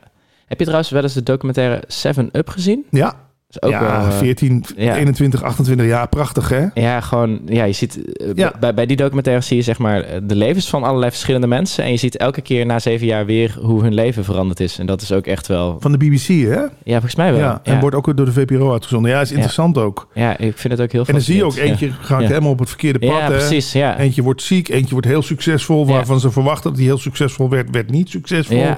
Ja. dat is mooi om te zien, ja. ja, dus inderdaad iemand die dan ook, ja, dat is ook de realisatie van, oh, het is toch niet gelukt wat ik had bedacht. Ja. Of, eh, ja dat is wel echt eh, bizar. Maar ook iemand, een man die wel inderdaad, die ging eigenlijk helemaal fout. En dan op een gegeven moment, nou ja, als hij dan zo, zo 50 is of zo, dan, dan, dan, eh, ja, dan vindt hij, kan hij toch een keer een huis kopen en Ja. heeft hij een partner. En dus ook dat het zel- zelfs nog goed komt, dat vond ik Ja, ook zo mooi. Weerbaarheid. Ja, van, wauw, veerkracht. Ja, Ja, dat is echt, echt geweldig. Ja. ja, vond ik ook. Mag ik jou een persoonlijke vraag stellen? Tuurlijk. Nou, je, je relatie is nu over. Ja. Ehm, hoe ga je daar nu mee om? Want het lijkt me ook wel heel heftig en lastig. Ja, dus langs de ene kant is het, is, brengt het rust en vrede. En langs de andere kant brengt het eh, verdriet en, en, en, en, en ook gevoelens die ik al lang niet meer gevoeld had. Maar ik zeg wel, het is nu een week of acht uit. En ik in die acht weken heb ik meer over mezelf geleerd dan in het half jaar daarvoor. Ja, Dus ik voel ergens wel dat het ergens goed voor is. ja, Maar we hebben dan ook nog eens de beslissing genomen, eh, voor zover je een beslissing kan nemen, dat wij het beter doen als vrienden. Mhm. Dus we hebben gewoon nog contact. We Oh, zien ja. elkaar één keer in de twee weken Ja. of zo. Maar het is nu ineens vriendschap. ja, En nu is er natuurlijk een stemmetje wat in mij zegt van... eh, dat moet je niet doen, en, eh, want nu geef je er wel gewoon de dingen die jij leuk... Mhm. Ja, ik merk wel dat het, dat het kan. Het gaat. Ik weet niet hoe jij daarover denkt. Of je van, van een relatie over kan gaan in een vriendschap. Denk het zelf. Ja. ja, ja, Het heeft even Ja. tijd nodig, zeggen we dan. ja. Maar het is ook een keuze die je maakt. Vlucht ik weg nu? Ga ik zeggen nee, want het Ja. is uit en jij doet mij pijn. Of Ja. ga je het gewoon aan en denk je, nou dan doet het maar af en toe pijn. Ja, precies. Ja. Ik kan me wel voorstellen dat het misschien pijnlijker is als je in de beginfase in ieder geval om nog vrienden te zijn, ehm, eh, dan dat je even een tijdje Een even tijd helemaal geen contact ja, hebt. Zeg Ja, maar. precies. Ja. Dat, dat kan ik me voorstellen. Ja. Maar ja, Maar ja, jij zit natuurlijk Ja. ook in een lange relatie. Je weet, Ja. als, Ja. als, als je met een relatie... eh, wij hadden dan vijf jaar. ja, Ehm, het is ook een soort kwestie van gewenning. ja, Want ik ging vaak drie dagen in de week daar naartoe. En dan kon ik dit gewoon lekker als mijn mancave gebruiken voor mijn podcast. En bij haar had ik een soort gezinnetje met die drie Ja. katten van er en zo, weet je wel. Dus het is ook gewoon een kwestie van weer opnieuw jezelf uitvinden. ja, Ik merk nu ik weer meer hier ben, dat ik wel ook weer allerlei ideeën krijg. ja, En denk, joh, en ik ga misschien de schuur kan ik uitbreiden. Daar ga ik Mhm. een podcaststudio van Oh, maken. fantastisch. Ja, Hè? Dan heb Ja. ik mijn eettafel weer terug. Betere akoestiek. ja, Kan misschien, want ik vind eigenlijk ook staand radio maken is beter dan zittend radio maken. Dus ik zou eigenlijk ook eens willen uitproberen. Ik heb één of twee keer staande podcast gedaan. Ben je veel energieker. ja, dat is natuurlijk ook leuk. Ja. Ja, precies. Ja, ja. Je kakt minder in. Dus het, in, het, in het lelijke zit het mooie al opgesloten. Zei ook Alexander Smit. Van die, Fantastisch. Ja, en Dat is ook een mooie, Ja, ja, in het ja. lelijke zit het mooie op. En andersom ook. In het mooie ja. zit het lelijke ook al opgesloten. Als je een relatie begint, weet je dat die ooit kan eindigen. Ja. Ja, ik heb ook wel eens een verhaal gehoord over twee filosofen. Die lopen dan door een tuin heen. En eh, eentje die is eh, helemaal aan het kijken, wat mooi en dit en dat. En de andere is eigenlijk een beetje verdrietig, zeg maar. En eh, dan vraagt die filosoof een van die anderen van... Hé, maar hoe kun je nou hier verdrietig om zijn? En die is, ja, maar ik zie gewoon al die schoonheid... en ik weet dat het gewoon ooit weer voorbij gaat, zeg maar. Ja. Dus zo, die, die, hij keek meer naar het grotere Ja. plaatje of zo. Van, maar, en, en ik denk dat met verliefdheid kun je soms ook een beetje dat melancholische gevoel tegelijkertijd Ja. hebben. En ik denk dat dat het ook een beetje is. Dat je dat ergens wel voelt of zo en weet. En dat je dan toch Ja. de, de blijdschap, maar het, het- het gevoel is niet één kant van. Het is of vrolijkheid of dit. Het is meer een soort van Ja, mengelmoes van allerlei verschillende Ja. emoties. En ik, Hou- in houden van zit eigenlijk ook al missen. Hè? Daar zit missen al in of zo. ja. Ik vraag ook wel eens aan, eh, aan kinderen van... kun je gelukkig en verdrietig zijn op hetzelfde moment? En dan... eh, ik, ik kreeg een keer een heel mooi voorbeeld van een jongetje die zei... ja, mijn, mijn hamster is pas overleden. En eh, ja, ik was heel verdrietig. Maar er was allemaal familie om me heen. Dus ik voelde me eigenlijk wel heel gelukkig en blij dat ze er waren en gesteund. Dus, dit- Ah. dus dat vond ik al zo'n Ja. mooi voorbeeld van... Ik, met geluk ik gaat het dus ook niet over vrolijkheid of zo. Dat is, dat is Ja. iets anders. Ja, het gaat, het gaat. Daar, daar kunnen nou juist alle emoties in ontstaan. Ja. En, ehm, ja, ja. Ehm, goed. Eh, We gaan afronden, geloof ik. Hè? ja, maar ik wil eigenlijk graag nog één laatste Ja, mag. geheim van jouw geluk. Of wat, heb je nog een geheim of een ding wat je zou willen... Het geheim delen. van geluk. Ja, Nou ja, dat je het niet moet proberen ergens uit te halen, maar dat je het gewoon constant meebrengt naar het feestje. Ik noem altijd het voorbeeld van een feest. Kun je naartoe gaan en zeggen, nou, ben benieuwd of het leuk wordt. Nee, jij bent mede het feest. Jij maakt het feest ook. Dus ga er naartoe met, we gaan er een leuk feestje van maken. Dus ja, dat kan met geluk toch ook. Ik bedoel, we gaan, ik, ik- als ik toch het, jou iets gelukkiger kan maken door wat meer geluk van mij erin te gooien of zo, dan werkt dat twee kanten op. Want als ik jou zie glunderen, dan glunder ik ook. Dus probeer, probeer iets minder het geluk na te jagen, maar realiseer je dat je al een onnoembare eh, voorraad geluk in jezelf hebt waar je gewoon uit kunt putten. Dat zou mijn advies zijn. Geweldig. Ja, is mooi, hè? dankjewel. Ja, zeker. Neem het lekker mee. En eh dankjewel voor dit eh, geweldige Jij ook. feestje. Ja, was leuk toch? Leuk ja, absoluut. Ja. Nu gaan we een taart pakken. ja.